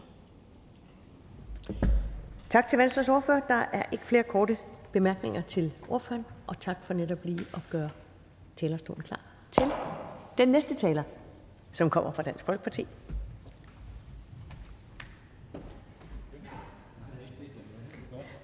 Velkommen til, hr. Kristian Thulesen Dahl. Tak for det. Øh, den øh, kapitulation, som øh, Frie Grønne gerne vil have et flertal her i Folketinget til at gå med på, synes vi i Dansk Folkeparti er fuldstændig forkastelig. Øh, vi synes, det er godt, at det tegner til at blive et forslag, der i den grad øh, får et flertal, stort flertal imod sig. Øhm, hvis man gennemfører den kapitulation, som øh, foreslås her, ja, så vil det jo betyde, at Danmark i endnu højere grad bliver en, en flygtningemagnet, en migrantmagnet, hvor folk vil søge til Danmark, fordi hvis først man får foden indenfor, ja, så er der en større chance for, at man kan blive hængende. Fordi selvom man endda har begået kriminalitet og får en øh, udvisningsdom og derfor er på et udrejsecenter, så vil øh, forslaget her jo betyde, at man skal øh, behandles anderledes end i dag i forhold til i højere grad at have et perspektiv om at kunne blive i det danske samfund på sigt. Og jeg må sige, når vi taler om for eksempel den øksevoldsmand, som overfaldt den nu desværre afdøde Kurt Vestergaard, og fik jo både en, en, en dom på, hvad var det, en 10 år i, i retten, og der, eller hvad hedder det, i fængsel, og derefter øh, altså blev dømt også i dommen til øh, udvisning. Øh, altså sådan en, sådan en mand som ham, jamen han, bør, han bør respektere den øh, afgørelse og, øh, og forlade øh, Danmark. Og når han ikke gør det, skal han så øh, belønnes med øh, ekstra gode vilkår, som forslaget her skal betyde, eller skal han i virkeligheden øh, altså placeres på en måde, hvor han finder ud af, at det måske var sjovere at, øh, at tage ud af landet, end at blive i Danmark på de danske skatteyders regning. Jeg synes øh, bestemt øh, Øh, det sidste. Så derfor så kan man godt høre, at øh, vi ikke engang heller synes, at de intentioner, jeg tror Venstre fik sagt, at de intentioner, der var i forslaget, var gode. Altså jeg kan ikke engang se, at det er gode intentioner, fordi det vil, være en, det vil virkelig, øh, virkelig undergrave kan man sige, hele ideen med at have flygtningepolitik, hvor man hjælper folk i en midlertidig periode, men hvor hensigten selvfølgelig er, at når man kan vende tilbage til sit hjemland, jamen, så er man også forpligtet til det. Hvis ikke det grundlæggende princip er det, vi bærer øh, flygtningepolitik på, så undergraver vi flygtningepolitikken, og så bliver det bare til en, en generel øh, indvandringspolitik. Jeg synes også, det er værd at tænke på, fordi det her det handler jo ikke om, at der er folk, der, der har det skidt. Det ved vi godt. Der er mange folk, der har det skidt, og det er trist. Øh, og det er der jo rundt i verden rigtig mange, der desværre har. Og der skal vi selvfølgelig finde ud af, hvordan vi fra dansk side kan hjælpe mennesker i nød. Vi mener jo, at vi bør have et langt større fokus på mange af de mennesker, der faktisk lever i, øh, i nærområder til konfliktzoner eller øh, nærområder til klimakatastrofer, øh, og hvor det er der, vi skal i højere grad sætte ind, frem for at det her meget, meget markante fokus på de mennesker, som engang har formået at, at flytte sig hele vejen til, til Danmark. Øhm, og jeg synes jo egentlig også, at det er tankevækkende, at det her forslag handler om de mennesker, der så har nået vejen til Danmark og faktisk fået det danske samfunds opbakning og hjælp i en periode. Så vurderes det, at de kan vende tilbage, og så vil de ikke, så nægter de, og så skal man give dem nogle bedre øh, vilkår.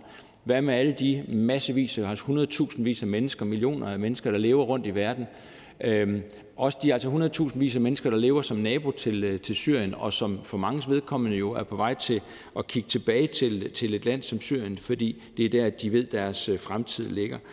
Altså alle de steder er det jo, er det jo meget vigtigere, vi i virkeligheden ser på, hvordan Danmark kan, kan hjælpe mennesker, end sådan et forslag som, øh, som det, der ligger her. fra, fra Frie Grønne. Så fra Dansk Folkepartis side siger vi øh, bestemt nej tak, øh, i virkeligheden også til intentionen i forslaget. Vi kan slet ikke støtte det, og vi håber øh, og glæder os over, at, eller glæder os over, at et stort flertal ser ud til at ville afvise det, og håber, at det flertal holder ved. Tak til ordføreren. Der er ønsker om en kort bemærkning til ordføreren, og det er til hr. Sikander Siddiq, Fri Grønne. Værsgo. Ja, man kan sige, at øh, Fri, øh, Fri Grønne er ikke overrasket over Dansk Folkepartis øh, position i det her. Øhm, det er jo i virkeligheden også spædskridt, første forsøg på at tage et, et opgør med den udlændingepolitik, som Dansk Folkeparti har defineret de sidste 20 år. Men det er det der med skræmmebilleder. Kunne ordføreren, hr. Christian Tulsendal, Dahl, fortælle, hvor mange øksemordere eller økse folk, der har begået øksevold, øh, der findes på de her centre? Altså nu gav ordføreren det eksempel. Mig bekendt er der én enkelt ud af alle de andre. Så må jeg bare lige høre, for nu tegner man et billede op, at det er øksemordere, eller hvad for det præcis udtryk, man nu brugte. Vil ordføreren, øh, vil hr. Christian Thulesen Dahl øh, fortælle os, hvor mange så voldsomme kriminelle det er, der egentlig befinder sig i det her center? Altså, der er jo desværre på, øh, på øh, vores øh, udrejsecenter, hvor der er folk på tålt ophold, mange med kriminalitet bag sig, i, altså hvor det handler om sædelighedsforbrydelser, det handler om narkotikakriminalitet, det handler om voldsoverfald. Det, det har vi jo en del eksempler på. Vi havde hele diskussionen også i forbindelse med Kærshovedgård, og hvor vi jo fra Dansk Folkepartis side foreslog, at man i det mindste lavede en screening, hvor man så opdelte dem, øh, der virkelig skabte utryghed i et lokalsamfund. Altså, folk på Langeland var jo virkelig nervøse for de her mennesker, der skulle placeres der. Folk i Midtjylland er sådan set også rigtig kede af at have Kærshovedgård placeret der, øh, tæt på dem. Og, øh, og foreslog, at vi lavede en screeningsproces, hvor man så opdelte de, de mest utryghedsskabende og, og sagde, at de må simpelthen være bag lås og slå, fordi det er ikke danske familier, lovlige de danske familier, der bør være, være, føle sig bag lås og slå i deres hjem i forhold til de her udenlandske kriminelle. Det bør være de udenlandske kriminelle, der er bag lås og slå. Det kunne være en måde, man som alternativ til den måde, Fri Grønne her foreslår, at sige, nej, de skal bare have bedre vilkår og i højere grad være en del af det almindelige samfund, så prøvede at, at løse opgaven. Siddiq. fortælle nu, hvor hr. Christian Thulesen Dahl ikke svarer tydeligt på det, så kan jeg fortælle, at langt de fleste mennesker, som vi snakker om her, er ikke kriminelle. Altså langt de fleste mennesker på de her udrejsecenter er ikke kriminelle. Og det synes jeg er vigtigt for sagligheden i debatten, at øh, vi husker øh, på, øh, når det er, vi, øh, når vi taler om, om, om de her mennesker. Det var bare en kommentar, ikke et spørgsmål. Men, men jeg har aldrig påstået, at de alle sammen er kriminelle. Jeg ved da udmærket godt, at øh, der er folk, der har været i asylsystemet, har fået asyl. Nu vurderer man, at de faktisk kan rejse hjem, øh, og så ønsker de ikke at rejse hjem. Øh, dem har vi jo også. Men dermed kunne man så sige med endnu større kraft, hvorfor så ikke støtte Dansk Folkeparti i, at vi skal lave en screening af de her folk, så de folk, der er kriminelle, der, har, der, der laver utryghedsskabende aktiviteter for folk i det område, hvor de bor, at de bliver taget ud, og de så ikke er på et almindeligt udrejsecenter, altså de får endnu friere forhold. Nej, de får endnu mere øh, indskærpet forhold i forhold til, at de ikke kan gå rundt og lave problemer for lokalområdet. Det burde, øh, synes vi jo, et flertal her i Folketinget bakke op. Så vi ønsker at løse den her opgave, men vi ønsker at løse den på en lidt anden måde end det, øh, der er foreslået her i, i forslaget. Tak til hr. Christian Thulesen Dahl. Der er ikke flere korte bemærkninger. Og den næste ordfører kommer fra Socialistisk Folkeparti, og det er hr. Karl Valentin. Velkommen. Tak for det jeg vil bestræbe mig på at være sådan lidt mere positiv måske over for forslaget end, end hr. Christian Thulesen Dahl. Jeg vil gerne starte med, med at sige tak øh, til, til hr. Sikander Sadik øh, og de øvrige forslagstillere for Frie Grønne for det beslutningsforslag, der ligger her. Jeg synes, det sætter spot på nogle øh, vigtige problemstillinger i den danske behandling af vores asylansøgere, og der er en, en lang række elementer i forslaget, som vi sådan set er, er enige i. Altså først og fremmest så gælder det sådan en generel forbedring af vilkårene på det danske udrejsecenter. Som udgangspunkt så bør afviste asylansøgere selvfølgelig rejse hjem, eftersom øh, der er rigeligt mennesker på flugt i verden, som har brug for Danmarks øh, beskyttelse. Men uanset situationen, så har vi et ansvar for folk, der er i Danmarks varetægt, og derfor så deler jeg Frie Grønnes forhåbninger om, at det kan være det at være indkvarteret på et, øh, et dansk asylcenter en dag vil være forbundet med færre virkningsløse restriktioner og flere rammer, som styrker afviste asylansøgere til deres hjemvendelse. Ligesom hr. Sikander Siddiq, så tror hverken jeg eller SF øh, nemlig særligt på, at man øh, motiveres mere til at rejse hjem ved at mangle arbejde og indhold i tilværelsen.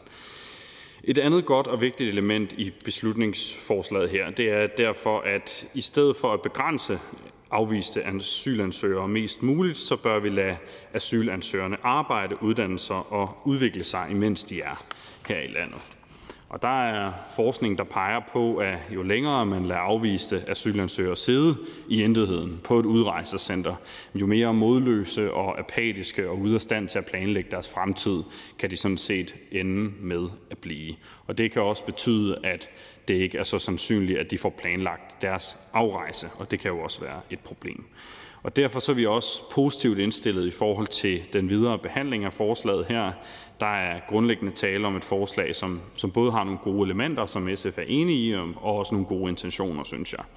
Men det er ikke alle tekniske elementer i forslaget her, som jeg nødvendigvis deler øhm, en til en. Og det gælder for eksempel i forhold til øh, behovet for ændringer af driftsledelsen. Altså, jeg har, jeg har ligesom andre ordfører besøgt flere af de her centre, og det er jo ikke de knoklende medarbejdere derude, øh, heller ikke dem fra Kriminalforsorgen, øh, som fejler noget. Det, som er galt i min optik, øh, det er de politiske rammer, som vi har sat ned over centrene. Og jeg har ikke nogen grund til at tro andet, end at hvis vi ændrer de rammer, jamen, så kommer forholdene også til at blive forbedret.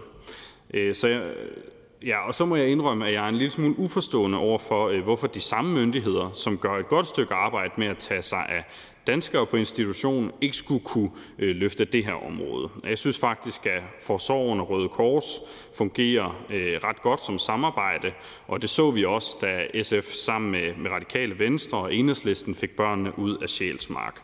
Det var ikke mindst øh, takket være Røde Kors øh, bistand, og jeg vil i den forbindelse også gerne sende en stor tak til Røde Kors for at være målrettet og konstruktiv i deres bistand med at sørge for bedre forhold for børn på danske udrejsecentre.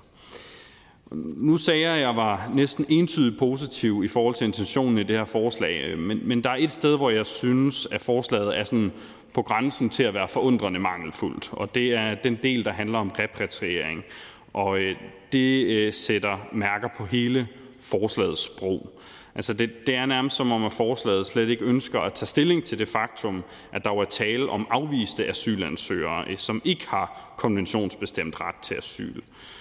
Jeg ved, at hr. Sikander Siddiq deler min opfattelse af, at Danmark burde gøre mere for at beskytte asylanter, øh, men hvis vi skal gøre det, så skal asyl og ophold i Danmark naturligvis gives til personer, gives til personer som har ret til det. Og derfor så savner jeg, at man med et forslag som det her øh, finder mod til at anerkende det dilemma og, og tilbyder humanistiske og progressive løsninger til, hvordan vi så kan få hjemrejsesystemet til at fungere. For det er evident, at det ikke virker, så længe der er folk med ret til asyl, som ikke får det, og folk uden ret til asyl, som ikke kan sendes hjem. Og det skulle jo gerne være omvendt. Og hvis forslaget her øh, vidderligt sigter efter en reform af de danske udrejsecentre, øh, hvorfor er der så alene elementer i forslaget, som sådan er lette for folk øh, som os på venstrefløjen at snakke om? Altså, der er ikke nogen forsøg på at tage armtag med de store dilemmaer, vi finder i et system, hvor vi både skal behandle mennesker ordentligt, men også øh, anerkende, at der er tale om mennesker, som ikke har ret til asyl. Nå, men det var lige et par forbehold. Øh, jeg synes overvejende, at, at der er nogle gode ting i det her forslag øh, fra Frie Grønne, øh, og det er i mange stræk sådan velkonstrueret, og vi vil gerne indgå aktivt i behandlingen af det, og håbe, at man kan lande et sted, vi synes, der giver mening. Tak for ordet. Tak til ordføreren meget præcis 5 minutters taletid. Flot. Der er en kort bemærkning til ordføreren, og det er til hr. Sekander Siddiq, Fri Grønne. Øh, tak. Øh, jeg vil gerne kvittere for de, øh, den seriøse øh, behandling af, af, af forslaget. Og jeg vil bare gerne sige, at jeg ser frem til det øh, videre samarbejde. For os at se, så er vi også klar på at tage de dilemmafyldte diskussioner. Og vi er også klar på at se, øh, kunne vi gøre forslaget anderledes bedre osv. Jeg tror bare, bare lige for at svare på tiltalen, jeg tror bare, at for os at se, så har det handlet om, at vi har jo set gennem de sidste fem år, hvor, hvor voldsomme konsekvenser det har for folk at bo på de udrejsecenter. Og det er i virkeligheden det primært forslaget går på. Men øh, jeg vil gerne kvittere og sige, at jeg ser frem til det videre samarbejde, og jeg håber, vi kan lande det et sted, hvor at det giver mening, men hvor vi først og fremmest sørger for, at vi, øh, at vi lukker de her øh, centre, der nedbryder folk. Så tak for en seriøs, øh, øh søgsbehandling af forslaget. Hvorfor? Selv tak. Jamen, vi, vi forsøger at behandle forslag herinde øh, seriøst, og har også brugt lidt energi på det her, fordi vi egentlig synes, der var mange gode, øh, gode elementer i det, selvom vi, vi ikke var helt enige i det hele. Jeg håber også, vi kan lande et godt sted. Altså, hvis vi nu skriver noget ind om, om øh, hjemsendelser og forholder os til det, det er sådan et dilemmafyldte område, og øh, fjerner det med driftsaktøren, så kan det godt være, at vi kan ende med at stemme for det, men nu må vi se, hvordan det kan lande, og hvor aktivt vi vil arbejde videre med det her. Det kan jo også være lidt svært, når vi ved, at vi nok ikke kan få flertal for det, som det ser ud nu, så hvor meget energi vi vil bruge på det. Men, øh, men jeg ser i hvert fald også frem til den videre behandling. Hr. Sikander Siddiq? Nej. Så er der ikke flere korte bemærkninger til SF's ordfører. Og hermed kan jeg byde velkommen til den næste ordfører, som kommer fra det radikale Venstre, og det er fru Katrine Olddag.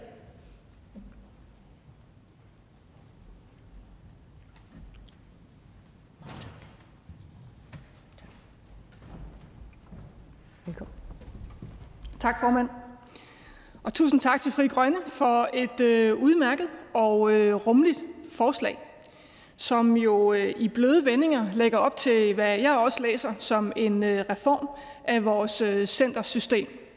Og de forhold, som asylanter, øh, eller afviste og udviste asylanter bor på i disse centre. Det er også et område og en sag, som Radikale Venstre har været optaget af i øh, rigtig mange år. Og øh, vi har aldrig, for eksempel, jeg måtte øh, i anledning af det her forslag jo kigge lidt ned i analerne, vi har aldrig øh, i vores parti været tilhængere af, øh, at noget skulle være øh, udrejsecentre, eller at vi skulle have de her meget stramme og strenge øh, foranstaltninger, som der er på disse centre. Så derfor, øh, så fordi at det her forslag lægger op til øh, en øh, drøftelse, så ender vi med at øh, stemme for og, øh, men jeg vil også gerne ligesom følge op på noget af det, som øh, SF's ordfører også har lagt op til, nemlig hvad er det så, der er godt og skidt her? Fordi vi har det nok, øh, vi er nok lidt øh, skeptiske over for det element i forslaget, der handler om, at øh, asylanter skal øh, uddanne sig og arbejde her. Vi ved godt, at øh, det at kunne opretholde nogenlunde normal tilværelse er med til at skabe øh, en psykisk stabilitet, der måske også gør det bedre og mere muligt for disse mennesker at foretage et aktivt valg i forhold til, hvad der skal ske i deres tilværelse herunder at rejse hjem for eksempel. Men når man ikke har lovligt ophold i Danmark, så mener vi heller ikke i radikale venstre, at man skal kunne arbejde og uddanne sig, mens man er her. Men det betyder ikke, at man ikke på et center kan bo ordentligt. For eksempel bo som minimum lige så godt, som man bor, eller i godsøjen godt, som man bor i et fængsel. Vi har jo hørt historier fra Kærsødgård for eksempel, hvor øh, at øh, hvis man ikke, altså at, øh, at asylanter de øh, ikke overholder deres øh, meldepligt, så ender de med at komme øh, i fængsel, og det vil de langt stykke hen ad vejen øh, ofte heller, fordi det der har eneværelse og øh, telefon, adgang til et fjernsyn osv. Der er mange forhold i et fængsel, der egentlig er bedre, end det er på udrejsecentre. Så det dilemmafyldte og absurde forhold alene gør jo, at jeg synes, at det er absolut værd at tage en drøftelse om, hvordan vi indretter disse centre. I modsætning til SF er vi egentlig også øh, for, at øh, vi lader Røde Kors øh, være drifts, driftsorganisation. Det handler jo også om, at vi synes egentlig, at Kriminalforsorgens hænder burde frigives til de opgaver, der er i vores deciderede fængsler, og ikke at et udrejsecenter jo skal fungere som et fængsel og lægge beslag på de få ressourcer, der er på det område. Og så har vi jo også i Røde Kors for eksempel en, en medarbejderstab og en faglighed, øh, der i den grad kan tage hånd om øh, nogle af de her øh, psykiske udsatte mennesker, som det jo ofte er, der er sidder på et udrejsecenter, hvor der jo ofte i øvrigt er en blanding af både kriminelle, tidligere dømte, øh, tålt ophold, øh, udviste og afviste, som kommer fra jobs, øh, som kommer fra ganske stabile og normale familier. Så det er en stor samsorium af mennesker, hvilket vi også tidligere har været ude øh, og kritisere, at disse folk sidder blandt øh, sidder med hinanden på disse centre. Så summa summarum, øh, tusind tak for et øh, blødt og rummeligt forslag, men vi mangler også øh, det her øh, afsnit, der handler om dilemma. Hvad stiller vi op med dem, der rent faktisk skal øh, sendes hjem? Hvordan forholder vi os til udrejsespørgsmålet? Det kunne være interessant at tage en diskussion også med Fri Grønne om, når vi kommer dertil. Tak. Tak til ordføreren. Der er et par korte bemærkninger til ordføreren, og det er først til hr. Sikander Siddiq, Frie Grønne. Værsgo. Øh, tusind tak til Radikales øh, ordfører for at bakke op om forslaget. Det glæder os. Øh, vi er fuldstændig på linje med, når vi siger, at det ikke skal være kriminalforsorgen, så er det fordi, at lige nu øh, vi mangler fængselspladser. Nu vil vi sende vores fanger til Kosovo, og øh, hvad hedder det, personalet i kriminalforsorgen er stresset, fængselsbetjentene øh, mangler vi osv., så giver det simpelthen ikke mening, at vi skal bruge kriminalforsorgen til at drive de her udrejsecenter. Det er sådan set også det, der ligger til grund for, at vi siger, at det nu ikke skal være øh, kriminalforsorgen. Men derudover, så er der, tror jeg, der er den forskel, den re- øh, reelle forskel, altså den politiske forskel, øh, hvor at i, i øh, Fri Grønne, der har vi den holdning, jamen altså, så længe vi ikke kan sende folk hjem, så, øh, så må vi skabe en, en, øh, en, en tilværelse for folk, der gør, at de kan leve normale liv. Og det er dilemmafyldt, at folk ikke rejser, hvis det er, at de er udviste eller afviste. Men ikke desto mindre, så er vi et moderne, øh, et demokratisk retsstat, hvor at vi på ingen måde vil være med til, at, at folk skal leve i forhold, der gør, at de bliver nedbrudte. Så den diskussion kan vi helt klart tage i forhold til at sige, okay, men hvor, hvor er radikale i forhold til frie grønne osv., men det primære for os her er at sige, at lige nu bliver folk nedbrudt i de her øh, udrejsecenter, og dem skal vi i hvert fald have lukket. Og så øh, er vi også klar på at tage den næste diskussion. Ordfører? Ja, eller lavet om. Øh, den første ordfører nævnte, at det her det ikke bare var en semantisk øvelse, men, øh, men jeg ser det måske også lidt langt stykke hen ad vejen, som at vi øh, redefinerer indholdet og den praktiske indretning af de her centre. Jeg er uenig med ordføreren i, at øh, asylanter, der er udvist og afviste, skal have hvad ordføreren kalder et normalt liv, fordi så skal vi i hvert fald være ind og stramt definere, hvad det skal handle om. Fordi de skal forstå, at de ikke har noget opholdsgrundlag i Danmark. Men derfra og så til at gå ind systematisk og strukturelt at nedbryde dem som mennesker, der er der bare en grænse, som vi i Radikale Venstre godt kunne tænke os at være med til at definere. Hr. Sikander Siddiq. er til hr. Christian Thulesen Dahl, Dansk Folkeparti. Værsgo. Ja tak, og det kommer øh, super fint i forlængelse af lige den ordveksling, fordi hvis så er vi enige om, at mange af dem, der sidder på de her udrejsecenter, de, øh, det er folk, der ikke har lovligt ophold i Danmark. De øh, skal rejse hjem, øh, og i øh, mange situationer vil de også kunne gøre det, hvis de selv øh, vil, vil tage initiativet. De kan også få penge med øh, i, i flere situationer. Øh, når man så alligevel siger, jamen de skal ikke være på de her udrejsecenter, fordi det synes man er, alligevel er triste forhold. De skal på almindelige centre, hvor der er bedre vilkår. Hvad vil man så som alternativ gøre for at have noget som helst perspektiv om, at de her mennesker de så øh, nogensinde forlader Danmark? Ordføren? Hvis man ikke har ret til at arbejde, ikke har ret til at have et CVR-nummer, en bankkonto, alle de her strukturelle rammesætninger omkring et normalt liv, der gør, at man kan stå op om morgenen, og så giver det mening at være til. Når man fratager det, det, det er vi sådan set med på, at de skal ikke kunne have en rolle eller det liv i vores samfund, men at indlogere dem under forhold, som er uhygiejniske, som er sundhedsskadelige, som er øh, umenneskelige, altså som, som hele tiden opererer, og vi får kritik på fra øh, menneskerettighedsdomstolen osv., der, der synes vi bare ikke, vi skal hen. Man, kan da, man kunne jo forestille sig måske også, at DF tænker, jamen kunne vi som minimum ikke bare gøre, at det ikke er federe at være i fængsel, end at være på et udrejsecenter, som de mener. Hr. Christian Thulsen Dahl. Jamen, vi har foreslået en screeningsproces, hvor man simpelthen tager nogle af de her mennesker, der skaber utryghed, og altså siger, at de må være bag en låst dør. Det ved jeg godt, det er der ikke et flertal for herinde, men det er jo det forslag, vi har. Men nu de radikale vælger at støtte det her forslag og sige, nu skal vi nedlægge de her udrejsecenter, fordi de her mennesker, der ikke vil udrejse vores land, hvor er en del af dem altså har begået kriminalitet i Danmark, de vil ikke udrejse vores land, så de skal have bedre vilkår. Altså, hvad, det er bare, så må man jo have noget andet perspektiv om, hvad skal der så til for at få dem til at rejse? Eller er det i virkeligheden ikke bare en kapitulation, altså, hvor man egentlig siger, de her mennesker kommer aldrig nogensinde ud af vores land, så kan vi lige så godt begynde at give dem lidt bedre vilkår, og lige så stille og roligt få dem til at fungere i det danske samfund, for de kommer aldrig hjem. Altså, er det ikke det perspektiv, der er i, i det, den radikale ordfører i virkeligheden jo altså, lægger til grund i forhold til at skulle støtte det her forslag? Ordfører? Nu har, nu har ordføreren gang i strømmand. Jeg står netop og siger, at de skal ikke øh, have lov til at fungere normalt i det danske samfund. Det er ikke en tilværelse, vi er ved at prøve at bygge op for de her mennesker. Det er en humanisering af de centre, som der findes. Det vil sige, jamen lad mig tage det et enkelt eksempel, øh, at man ikke, hvis man ankommer som to enkelte personer, skal nødvendigvis presses ind på et værelse sammen. Den ene er måske tidligere dømt og psykisk ustabil, den anden er måske normal familiefar. Den der type af situationer ser vi jo, og det er jo fuldstændig umenneskeligt. Så det er en menneskeliggørelse af de centre, vi ser. Den næste korte bemærkning er til hr. Marcus Knudt, konservativ Jamen, egentlig bare ud af, ud af nysgerrighed i forhold til det her, Christian Tulsendal siger. Altså, hvis, hvis radikale venstre mener, at man skal rejse ud af landet, hvis det er, man ikke har krav på ophold, man skal ikke have arbejde osv. osv. Hvorfor er det så, man skal ændre det fra et udrejsecenter til et opholdscenter? Det, det var det den ene del af spørgsmålet. Og den anden del er, hvis man følger det, som, som uh, hr. Sikander Siddiq vil her, det som radikale venstre støtter op om, tror ordføreren så, at der er flere eller færre, der rent faktisk forlader Danmark? Ordføreren? Jeg tror faktisk, at vi ender stort set lige der, hvor vi er i dag, nemlig at det ikke virker, de der udrejsecenter, som vi har øh, gang i nu. Øh, cirka øh, lidt mere end en fjerdedel, de forsvinder jo helt af sig selv, og det er som måske meget godt, at der er sikkert nogen i Folketinget, der synes, at øh, de her flygtninge på centrene, at de bare forsvinder mellem fingrene på os. Og for os i Radikale Venstre, der vil vi jo gerne være med til at tage et internationalt ansvar blandt andet. Så det der med, at de bare smutter til resten af Europa eller et eller andet sted hen øh, ud øh, og lever øh, under grunden, det er vi jo heller ikke interesseret i. Så vi synes egentlig ikke, at udrejsecentrene fungerer og har gjort det, de skal i dag. Der sidder jo folk på tålt ophold øh, på øh, 10. år, det forbruger et helt liv på de der centre. Hr. Marcus Knudt? Jamen, jeg, jeg vil sige, jeg er enig med ordføreren i, at udrejsecentrene ikke fungerer. De fungerer ikke godt nok. Altså bare med et modsat fortegn her, fordi vi mener, at langt flere skal, skal rejse ud af landet. Men mener ordføreren vidderlig i ramme alvor, at hvis det er sådan, at vi omdanner vores udrejsecentre til opholdscentre, så er der hverken færre eller flere, eller undskyld, så er der ikke flere, øh, der vil rejse ud? Øh, ja, det var sådan set det, jeg har stået og sagde.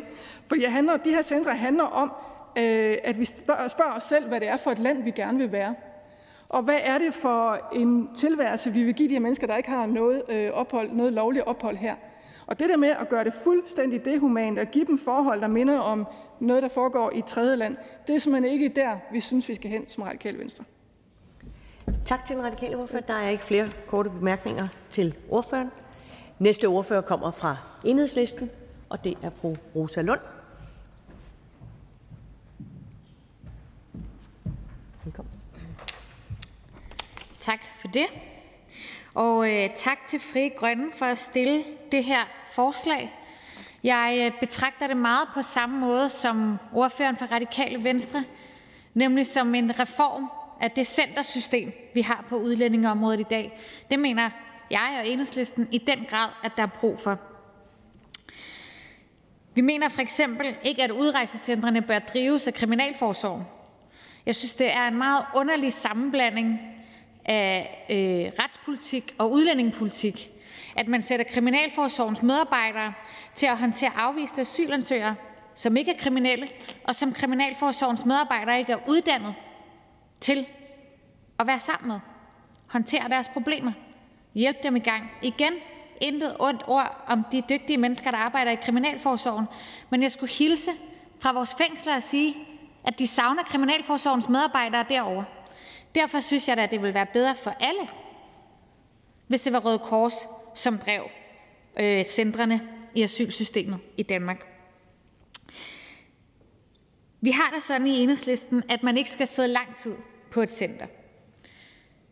Da vi lavede øh, opdelingen, hvor at de nytilkommende asylansøgere er et sted i systemet, og de afviste asylansøgere er et andet sted i systemet, der var det jo aldrig meningen, at forholdene skulle være så, undskyld mig, vanvittige, som de er i dag. Og det var den daværende justitsminister, hr. Morten Bødskov, der ene og alene traf beslutningen om, at det var Kriminalforsorgen, der skulle drive de her centre. Det kom bag på os i Enhedslisten. Fordi jeg synes sådan set, grundlæggende set er det klogt, at man har de to grupper af asylansøgere opdelt, fordi de nytilkommende asylansøgere skal jo have lavet asylansøgninger, de skal have introduktion til det danske samfund. Det er en helt anden gruppe end de afviste. Derfor er det klogt at have dem opdelt, synes jeg. Men det er ikke klogt at behandle afviste asylansøgere, som om at de er kriminelle. Det er det simpelthen ikke. Jeg har nærmest lyst til at sige, at de i dag bliver behandlet fuldstændig umenneskeligt. Både når jeg kigger på Udrejsecenter Sjælsmark, når jeg kigger på Kærshovedgård, når jeg kigger på Udlændingscenter Ellebæk, som øh, vi, ministeren og jeg, fik lejlighed til at diskutere lige for lidt siden. Så i den grad brug for en reform. Jeg glæder mig meget til at behandle det her forslag i udvalgsarbejdet, fordi der er også nogle ting i forslaget, som vi i Enhedslisten stiller os lidt skeptiske overfor. Eller ikke skeptiske, vil jeg sige, men som vi har nogle spørgsmål til. Og det er netop det her med at gøre det til opholdscentre. Fordi betyder det så, at man, man bare bare, bare, men at man skal være der længe. Vi så egentlig hellere, at man sagde, jamen Afviste asylansøgere, som ikke kan sendes ud, de skal da være en del af det danske samfund. De skal bo i mindre enheder. Det kunne være øh, boligkomplekser rundt omkring i landet, så de kunne få arbejde, så de kunne tage uddannelse og blive en del af det danske samfund indtil den dag, øh, at de kan tage tilbage til det land, de er flygtet fra. Så man kun skal være på opholdscenteret i kort tid. Jeg tror egentlig, at gætter jeg mig til, som jeg kender Frie Grønne, at Frie Grønne er enige, men vi kan ikke rigtig se grænserne i det her forslag, og derfor er vi sådan set meget indstillet på at arbejde meget med det her forslag i udvalget, så vi kan finde et sted, hvor vi forhåbentlig kan mødes. Jeg lytter mig jo også til, at hr. Carl Valentin siger, at det vil SF gerne. Jeg lytter mig til, at øh, fru Katrine Oldag siger, at det vil Radikale Venstre gerne. Så jeg tror egentlig, at vi kunne få et ret fornuftigt udvalgsarbejde omkring det her. Så tusind tak til Frie Grønne for at stille forslaget, for det er fuldstændig nødvendigt med en reform af det system vi har i dag på centerområdet for asylansøgere. Tak til Enhedslistens ordfører. Der ønsker en kort bemærkning til ordføreren til hr. Sikander Siddiq. Jeg vil bare sige tusind tak til ordføreren øh, og kvittere for den positive modtagelse. Og så vil jeg egentlig gerne lige svare på det spørgsmål, fordi det giver mening. Øh, for os, når vi siger opholdssted, så betyder det i virkeligheden bare, at det er et sted, hvor de kan få hjælp.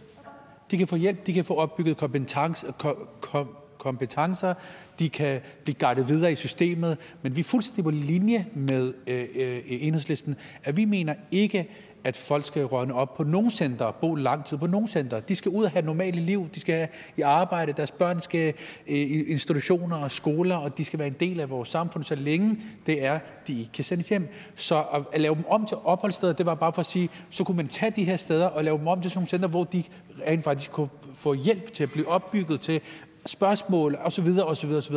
De skal ikke bo der øh, nødvendigvis. Ordføren? Tak for den præcisering. Det tyder jo allerede på, at vi nærmer os hinanden. Øh, og det er jo også derfor, at det er godt, at man har både den behandling, vi har i dag, men også at vi har mulighed for at lave præciserende øh, hvad hedder det, formuleringer i udvalgsarbejdet. Det vil vi i hvert fald meget gerne indgå meget aktivt i fra enhedslistens side. Så er det her Christian Tulsendal, Dansk Folkeparti. Værsgo. Ja, og, og igen lægger det sig rigtig fint op øh, i forlængelse af den øh, dialog, der lige har været mellem forslagsstilleren og fru Rosa Lund. Jeg, jeg håber, at Venstres ordfører stadigvæk lytter med. Øhm, fordi Venstres ordfører sagde tidligere i debatten, at Venstre var enig i intentionen i det her forslag. Men nu kommer det frem i den dialog, der er mellem forslagsstillerne og fru Rosa Lund, at intentionen med det her forslag, det er i virkeligheden at nå frem til en situation, hvor de mennesker, der også er på udrejsecenter, de lever et normalt liv i Danmark. De skal ud og bo i små enheder, og de skal kunne tage arbejde, de skal kunne tage uddannelse, de skal være en del af det almindelige danske samfund. Og når vi ved, at en stor del af den diskussion, vi har haft omkring folkene på udrejsecenter, det er, at det er folk, der har begået kriminalitet, der er dømt til udvisning så er det jo tankevækkende, at de, hvis de i givet fald skulle, øh, skulle have bedre muligheder for at begå sig i almindelig vis i det danske samfund, altså så kommer de jo aldrig nogensinde ud af, af Danmark. Så jeg håber bestemt, at nogle af dem, der har tænkt, at de var enige i intentionen i det her forslag, de lige tænker sig om en ekstra gang. Hvorfor? Jamen nu sagde hr. Christian Tulsendal jo selv lige for lidt siden, at han udmærket godt er klar over, at ikke alle, der sidder på udrejsecentre, er kriminelle. Nu får hr. Christian Tulsendal det så alligevel til at lyde som om, at alle er kriminelle. Det er jo ikke korrekt, hr. Christian Tulsendal, og du har lige selv sagt, og undskyld, og hr. Christian Tulsendal har lige selv sagt, at det ved ordføreren godt. Derfor, derfor undrer det spørgsmål mig egentlig lidt. Men, øh, men det, er da, det er da fuldstændig rigtigt, at vi mener, der er brug for en reform her. Og for min skyld, hr. Christian Tulsendal, så kan vi sagtens kigge på, jamen der er jo forskel på at have fået en udvisningsdom, og på at være afvist asylansøger. Lad os snakke om, om de grupper også skal have, øh, hvad hedder det, skal håndteres forskelligt, fordi det kan jeg da sådan set godt være enig i, at de skal. Jeg er så ikke sikker på, at jeg er enig med hr. Christian Tulsendal i, hvordan håndteringen skal være. Hr. Christian Tulsendal? Jamen, jeg er utrolig glad for, at der er en erkendelse af, at folk, der har begået kriminalitet og så fået en udvisning i forbindelse med, med deres dom, er nogen, vi bliver nødt til at kigge på særskilt. Det er jo det, Dansk Folkeparti har foreslået. Vi har jo foreslået en screening, for eksempel af dem på Kærshovedgård, da vi havde hele, hele diskussionen omkring, om, om de 130 skulle til Langeland. Øh, så sagde vi, lad os få screenet dem, der skaber utryghed, dem, der er dømt for kriminalitet, og så sige, at de bliver nødt til for eksempel at bag, være bag lås og slå. Fordi det, der sker lige nu, det er, at man siger, uanset hvor de bliver placeret i Danmark, så vil man give støtte til, at de lovlydige danske naboer til sådan nogle asylcenter, udrejsecenter, de kan så få støtte til måske alarmsystemer, øh, købmanden skal have en vagt stående osv., fordi der simpelthen skaber utryghed, at vi har udlændinge, der er dømt for kriminalitet og dømt til udvisning, som ikke vil rejse hjem. Og det er derfor, jeg synes, det er virkelig vigtigt, at den diskussion er med i det her, når det nu handler om et forslag, der jo skal omdanne udrejsecenter til almindelige opholdscenter. Og Rosa Lund så siger, at hensigten er i virkeligheden små enheder, hvor man i højere grad lever det almindelige liv. Hvorfor?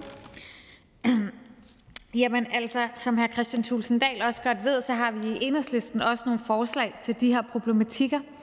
Vi har for eksempel foreslået, at i stedet for at man samler mange udvisningsdømte, altså mennesker, der har begået kriminalitet, ikke afviste, i stedet for at man samler dem på et sted, hvor man gør forholdene så dårlige, at de har absolut intet at miste. På Kærshovedgård der har tidligere udlændingeminister fru Inger Støjberg endda fået fjernet håndvaskene.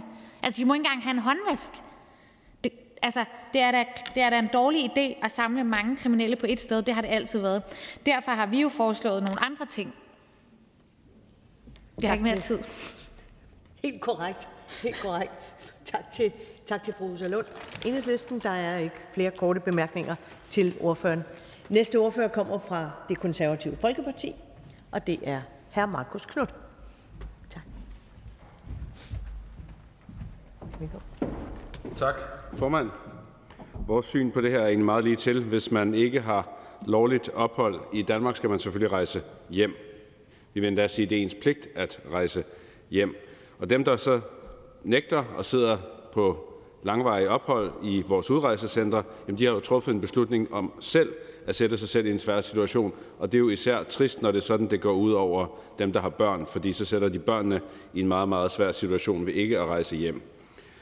Hvis det er sådan, vi følger det her forslag og ændrer udrejse til ophold, for det første vil vi udhule den danske udlændingepolitik.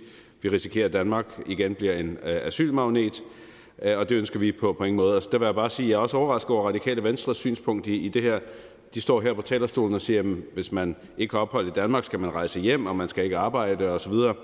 Men når vi jo så netop hører, at detaljerne i det her forslag er, at man ønsker fra Fri Grønnes synspunkt, jamen man, på et opholdscenter skal man da bare have en normal hverdag. Så giver det jo ingen mening, at radikale venstre vil stemme for det her, men samtidig siger de, at man skal rejse ud, hvis man ikke har krav på ophold. Og så vil jeg bare slutte af med at sige, at jeg er glad for, at der er forholdsvis, eller der er et meget bredt flertal imod det her forslag. Godt nok med nuancer, for vi kan jo se regeringens lidt anderledes synspunkt end, end vores på, på nogle dele af for eksempel Sjælsmark og så videre. Vi mener også, at regeringen skulle gøre meget mere for at få folk sendt ud, men vi er i hvert fald glade for, at der er et meget, meget bredt flertal imod at omdanne overordnede opholdscentre til øh, undskyld, udrejsecentre til opholdscentre, og konservative kan ikke bakke forslaget, som det er her. Tak til den konservative ordfører. Der ønsker man en kort bemærkning til ordføreren, og det er til hr. Sikander Siddiq. Tak for ordet. Tak til den øh, konservative øh, ordfører. Det er jo selvfølgelig altid ærgerligt, hvis, når, når partier ikke bakker op om ens forslag, og det synes jeg selvfølgelig også, det er i, i det her tilfælde. Jeg kunne egentlig godt tænke mig at spørge ordføreren, og så sige, det er jo det der med, fint, vi vil en hård, stram udlændingepolitik. Men vi kan jo se, at det er jo mennesker, der bliver nedbrudt. Og som ordføreren også lige kom ind på, det var, jamen, der er børn, øh, der lider under de her forhold. Hvad tænker konservative så? Altså fortsætter vi så bare på den her måde? Fortsætter vi bare med at så sige, så er der forældrene på den ene side, øh, der siger, men vi vil ikke rejse hjem. Og så er der et politisk flertal på den anden side, der siger, hvis ikke vi rejser hjem, så får I lov til at rådne op her, og det betyder, at børnene også rådner op her, det, og så videre, og så videre. Altså, vi, jeg kan høre, at ordføreren i hvert fald anerkender, at det er hårdt for børnene at bo der, at det kan give problemer. Så hvad er løsningen, tænker jeg? Altså, fortsætter vi så bare sådan her? Hvad, hvad er konservativt bud på det? Ordfører? Jamen, helt grundlæggende er vores syn, at hvis det er sådan, man ikke har krav på ophold i Danmark, man sidder i et udrejsecenter, og man har børn, jamen så bruger man jo børnene som gisler ved at nægte at rejse ud. Så straffer man jo de facto sine egne børn ved ikke at rejse tilbage til det, fredland, til det hjemland, man, man, øh, man kommer fra. Så løsningen er jo, og det er jo derfor, jeg kigger ned på ministeren nu, det er, at regeringen gør endnu mere for at få folk til at rejse hjem. Øh, og der synes jeg da godt, vi kan sætte os ned som en, øh, en gruppe af partier, der bakker op om, om udrejsecenter og tage en snak om, hvad kan vi gøre yderligere i forhold til det, der, der bliver gjort lige nu. Men løsningen er jo altså, at folk rejser hjem. Løsningen er ikke, at vi ændrer udrejsecenter til opholdscenter, fordi så kommer der bare en massiv ophobning af, af udlændinge uden uh, krav på ophold i Danmark, der alligevel opholder sig i Danmark. Men så kunne man jo også omvendt, her Markus Knud, argumentere for at sige, at det politiske flertal holder børnene gisler. Altså, det er jo sådan lidt, ikke? Altså, forældrene holder dem gisler, siger man, for det politiske flertal, fordi de ikke rejser frivilligt, det går ud af børnene. Og så har vi et politisk flertal, der siger, jamen, så holder vi også børnene gisler, fordi at I ikke rejser. Ingen af os giver os, ingen af parterne giver os. De voksne giver sig ikke. Det går ud over børnene. Og det er derfor, jeg øh, ligesom øh, spurgte øh, ordføreren om at så sige, det er jo ikke holdbart. Hvad gør vi øh, herfra i sådan en situation? Jeg hører, at ordføreren siger, at så må vi sætte os ned og finde ud af, øh, ja, snakke om, hvad man kunne gøre med regeringen og, øh, og hvem der nu ellers blev lagt op til. Men det er lidt det der med, vi holder jo alle børnene gisler i det her, og det går ud over børnene. Jamen, med, med al respekt, hvis vi følger den vej, som uh, hr. Sikander Siddiq uh, forfølger her, med, jamen, så kan man da bare blive i Danmark, selvom man er udvist. Jamen, så, så vil alle udviste jo bare blive. Og så vil der bare være flere og flere, flere udviste, flere og flere kriminelle, flere og flere udlændinge uden krav på ophold i Danmark, der bare bliver her alligevel. Og altså, det, er jo ikke, det er jo ikke vejen frem. Så kan vi lige så godt sige, jamen selvom du er udvist, så, så kan du blive i Danmark, du kan arbejde, du kan det hele. Men, men så ender vi jo med en massiv ophobning af kriminelle afviste udlændinge, og det ønsker vi på ingen måde fra, fra mit partis side. Tak til den konservative ordfører. Der er ikke flere korte bemærkninger til ordføreren. Og hermed er det blevet tid til at give ordføreren for forslagsstillerne ordet, og det er hr. Sikander Siddiq fra Fri Grøn. Tak for ordet. Lad os lukke asylhelvede, lad os lukke udrejsecentrene, og lad os udøve humanitært samfundssind i stedet. Kære kollegaer, i Frie Grønne er vi af den overbevisning, at Danmark skal skifte radikal kurs og omdanne danske udrejsecentre til almindelige opholdscentre for børn, unge og voksne, hvor de kan blive opbygget, hvor de kan få hjælp. At fortsætte med den nuværende praksis i udrejsecentrene er simpelthen en menneskelig erklæring. Frie Grønne vil derfor lukke de nuværende udrejsecenter. Vi vil have fuld stop for den umenneskelige behandling. Vi vil give både børn, unge og voksne, som vi giver både børn, unge og voksne. De her børn, unge og voksne, som befinder sig i en yderst udsat og sårbar situation, og som lever under nogle kummerlige og beskæmmende og katastrofale vilkår. For Frie Grønne motiverer jeg i dag derfor beslutningsforslag om at lukke Danmarks nær, øh, nuværende tre udrejsecenter i Sjælsmark, Avnstrup, Kærshovedgård samt udlændingecenter Ellebæk. Og hvorfor? Fordi Danmark ikke kan være det bekendt.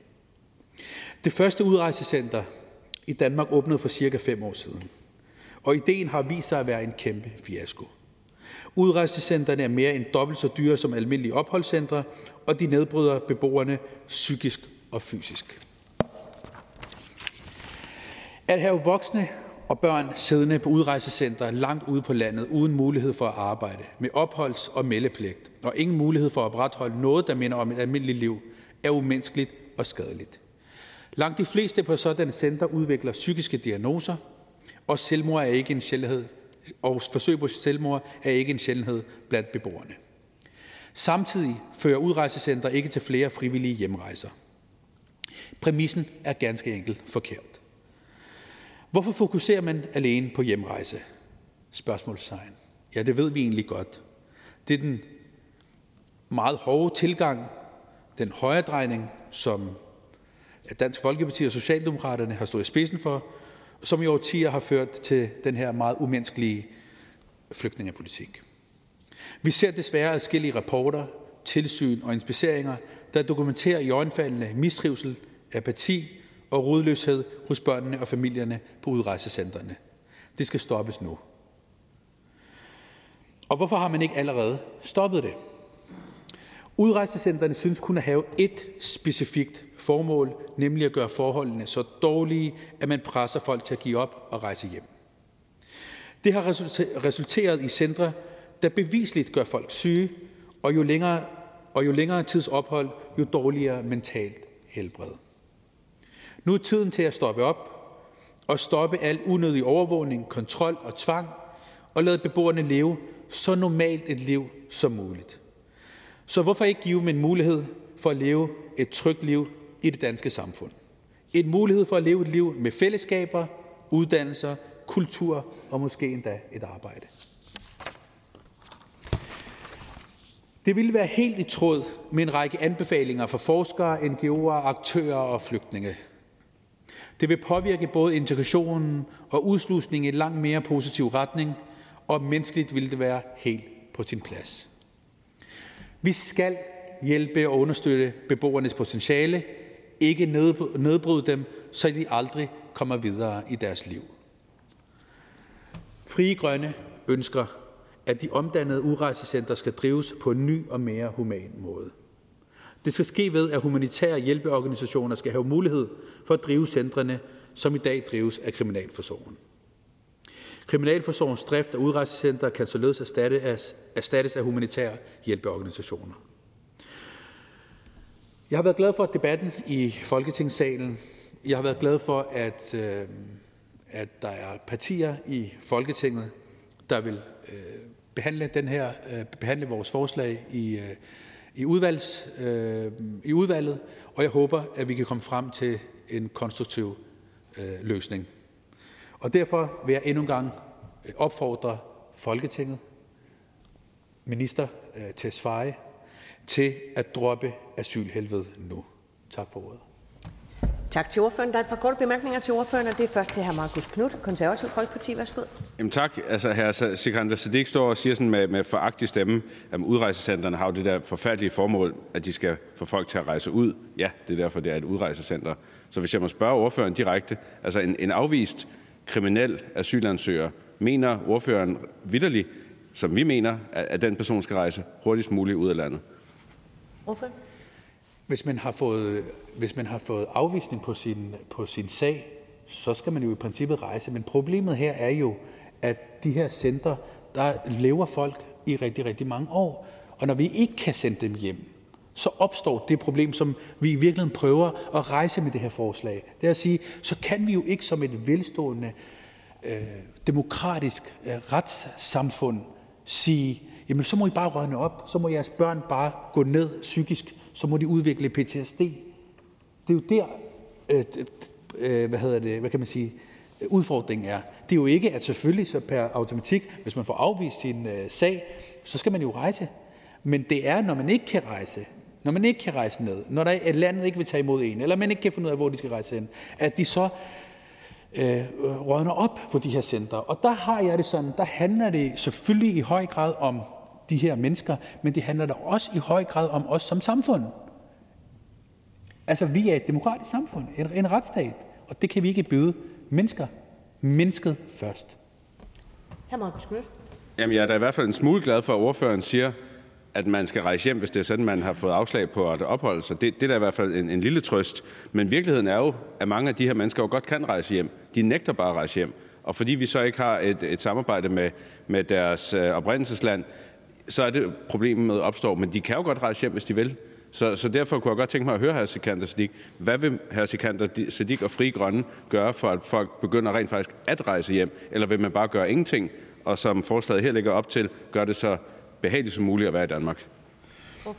Altså jeg tænker, det er jo, det er jo virkelig det samme spørgsmål, som jeg har stillet ordføreren før. Øh, det handler jo om, jeg synes, man skal adskille de her to diskussioner. Altså selvfølgelig øh, må vi finde ud af, hvad vi gør, for at folk skal rejse hjem. Men jeg, Fri Grønne vil bare ikke være med til at holde børnene gissel og, holde, og nedbryde mennesker. Og det er der, hvor jeg ligesom prøvede at tegne det op og så sige, okay, et politisk flertal siger, at forældrene kan godt rejse, de rejser ikke, de holder børnene gissel. Men det gør vi da også. Det gør et politisk flertal jo også i Folketinget, der siger, okay, forældrene vil ikke rejse, men så holder vi børnene gissel. Så må de nedbrydes, og så må vi gøre det så svært for de her mennesker, og så ødelæggende for de her mennesker, til at de selv rejser. Og det mener Fri Grønne ikke er et, et, et retssamfund værdigt. Næste kort bemærkning er til hr. Christian Thulsen Dahl, Dansk Folkeparti. Værsgo. Ja, tak. Øh, der tales om retsstat, og der tales om et trygt liv i Danmark, måske endda arbejde. Nu øh, spurgte øh, ordføreren jo mig tidligere, om jeg kunne bekræfte, at der på nogle af de her udvisnings- eller udrejsecenter var, var folk, der ikke havde begået kriminalitet. Kan ordføreren så ikke bekræfte, at der findes ganske mange, der har begået kriminalitet? Og kan ordføreren bekræfte, at en af dem, vi taler om, det er den person, der i 2010, var det vel Øh, øh angreb øh, øh Kurt Vestergaard med en økse, øh, blev dømt 10 års fængsel for terror og udvisning.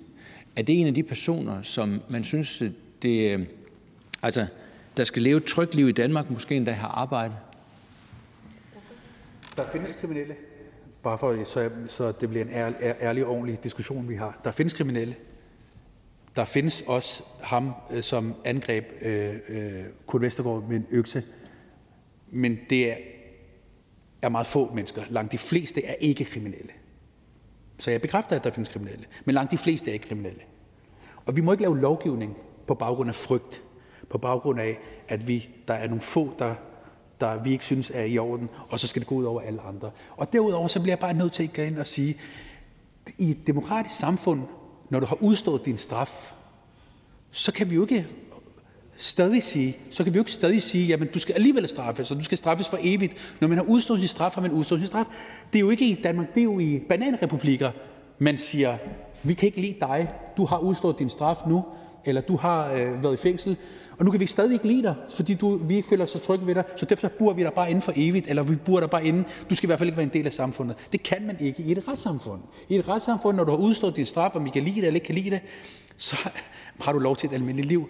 Og det, og det bliver vi nødt til at insistere på, for ellers er vi ikke et rets, øh, retssamfund. Hr. Christian Thulsen Dahl. Ej, det, det sidste giver jo slet ingen mening. Altså en, en retsstat, nu har vi jo lige haft en stor diskussion i forhold til en, en afgørelse i mandags og så videre, ikke? og respekt for den og så videre. Altså en retsstat, der er højesteret vel dømt øh, den pågældende, vi taler om her, Somalia, øh, for et øh, overfald, voldeligt overfald på øh, den tidligere tegner Kurt Vestergaard, øh, idømt ham 10 års fængsel, 10 års fængsel for terror, terrorisme, for terror. En meget hård paragraf. Og så øh, samtidig besluttet, at han ikke har noget at gøre i Danmark. Han er udvist af Danmark. Det er jo en del af dommen. Så siger manden, det er han ligeglad med. Han bliver bare hængende i Danmark. Han vil ikke udrejse af Danmark. Og hvad siger øh, forslagsstilleren her? Jamen, så skal han da belønnes med at hvad var det, have et trygt liv i Danmark, måske endda have arbejde. Altså, er det en retsstat?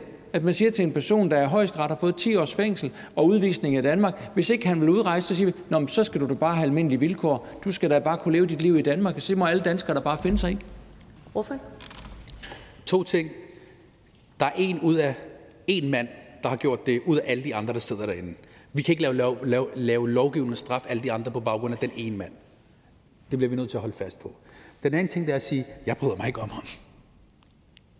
Men jeg har det bare sådan at sige, at når du har udstået din straf, når du, har, når du, når du øh, bliver dømt, så skal du straffes. Og når du har udstået din straf, så har du ret til et normalt liv. Uanset om vi kan lide det, eller vi ikke kan lide det. Og det er bare vigtigt for mig at sige, at hvis vi gør op med det princip, jamen så er vi bare en, så kommer vi jo til at være som diktaturstater, bananrepublikker, der, der, der, der ser stort på øh, retsstatsprincipperne, bare siger, vi kan ikke lide jer, I bliver forfulgt, vi kan ikke lide dig, du bliver buret inde, og du behøver ikke komme for en dommer. Det er jo det, der er forskellen på os, et veludviklet demokrati, og, øh, og de her øh, stater med, med diktatorer og bananrepublikker. Næste kort bemærkning er til fru Anne Rasmussen, Venstre. Værsgo. Tak for det. Når nu man sidder på et udrejsecenter, øh, og frivilligt kan rejse hjem, og endda får de danske myndigheder til at arrangere hjemrejsen, man får sågar penge med til at genstarte et liv. Altså mener ordføreren virkelig ikke, at man har bare en lille fli øh, af ansvar for sin egen mistrivsel, når man stadig holder på, at man ikke vil rejse? Ordfører? Jo, man har et ansvar. Selvfølgelig har man et ansvar. Absolut har man et ansvar. Men diskussionen er meget mere nuanceret end, end, end at gøre det til et simpelt ja eller nej spørgsmål. Men helt grundlæggende har alle mennesker altid selv et ansvar. Selvfølgelig har man da det. Men vi har som politikere også et ansvar. Vi har som et politisk flertal herinde også et ansvar for barnets tag. Og det var det, jeg har forsøgt flere gange at sige i diskussionen her. Altså at sige, når EU's torturkomité kritiserer Danmark for at have vanvittige forhold, så har vi som politikere i et demokratisk samfund et ansvar for at skabe ordentlige forhold for alle mennesker. Anne Rasmussen. Der var ikke nogen Tak til ordføreren for forslagsstillerne. Der er ikke flere korte bemærkninger til ordføreren. Og da der ikke er flere, der har bedt om ordet, så er forhandlingen sluttet. Og jeg foreslår, at forslaget her det henvises til Udlændinge- og Integrationsudvalget. Og hvis ingen gør indsigelse, så betragter jeg det som vedtaget. Det er vedtaget.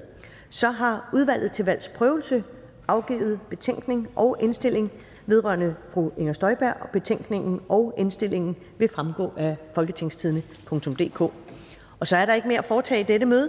Folketingets næste møde det afholdes tirsdag den 21. december 2021 kl. 13. Og jeg henviser til den dagsorden, der vil fremgå af Folketingets hjemmeside.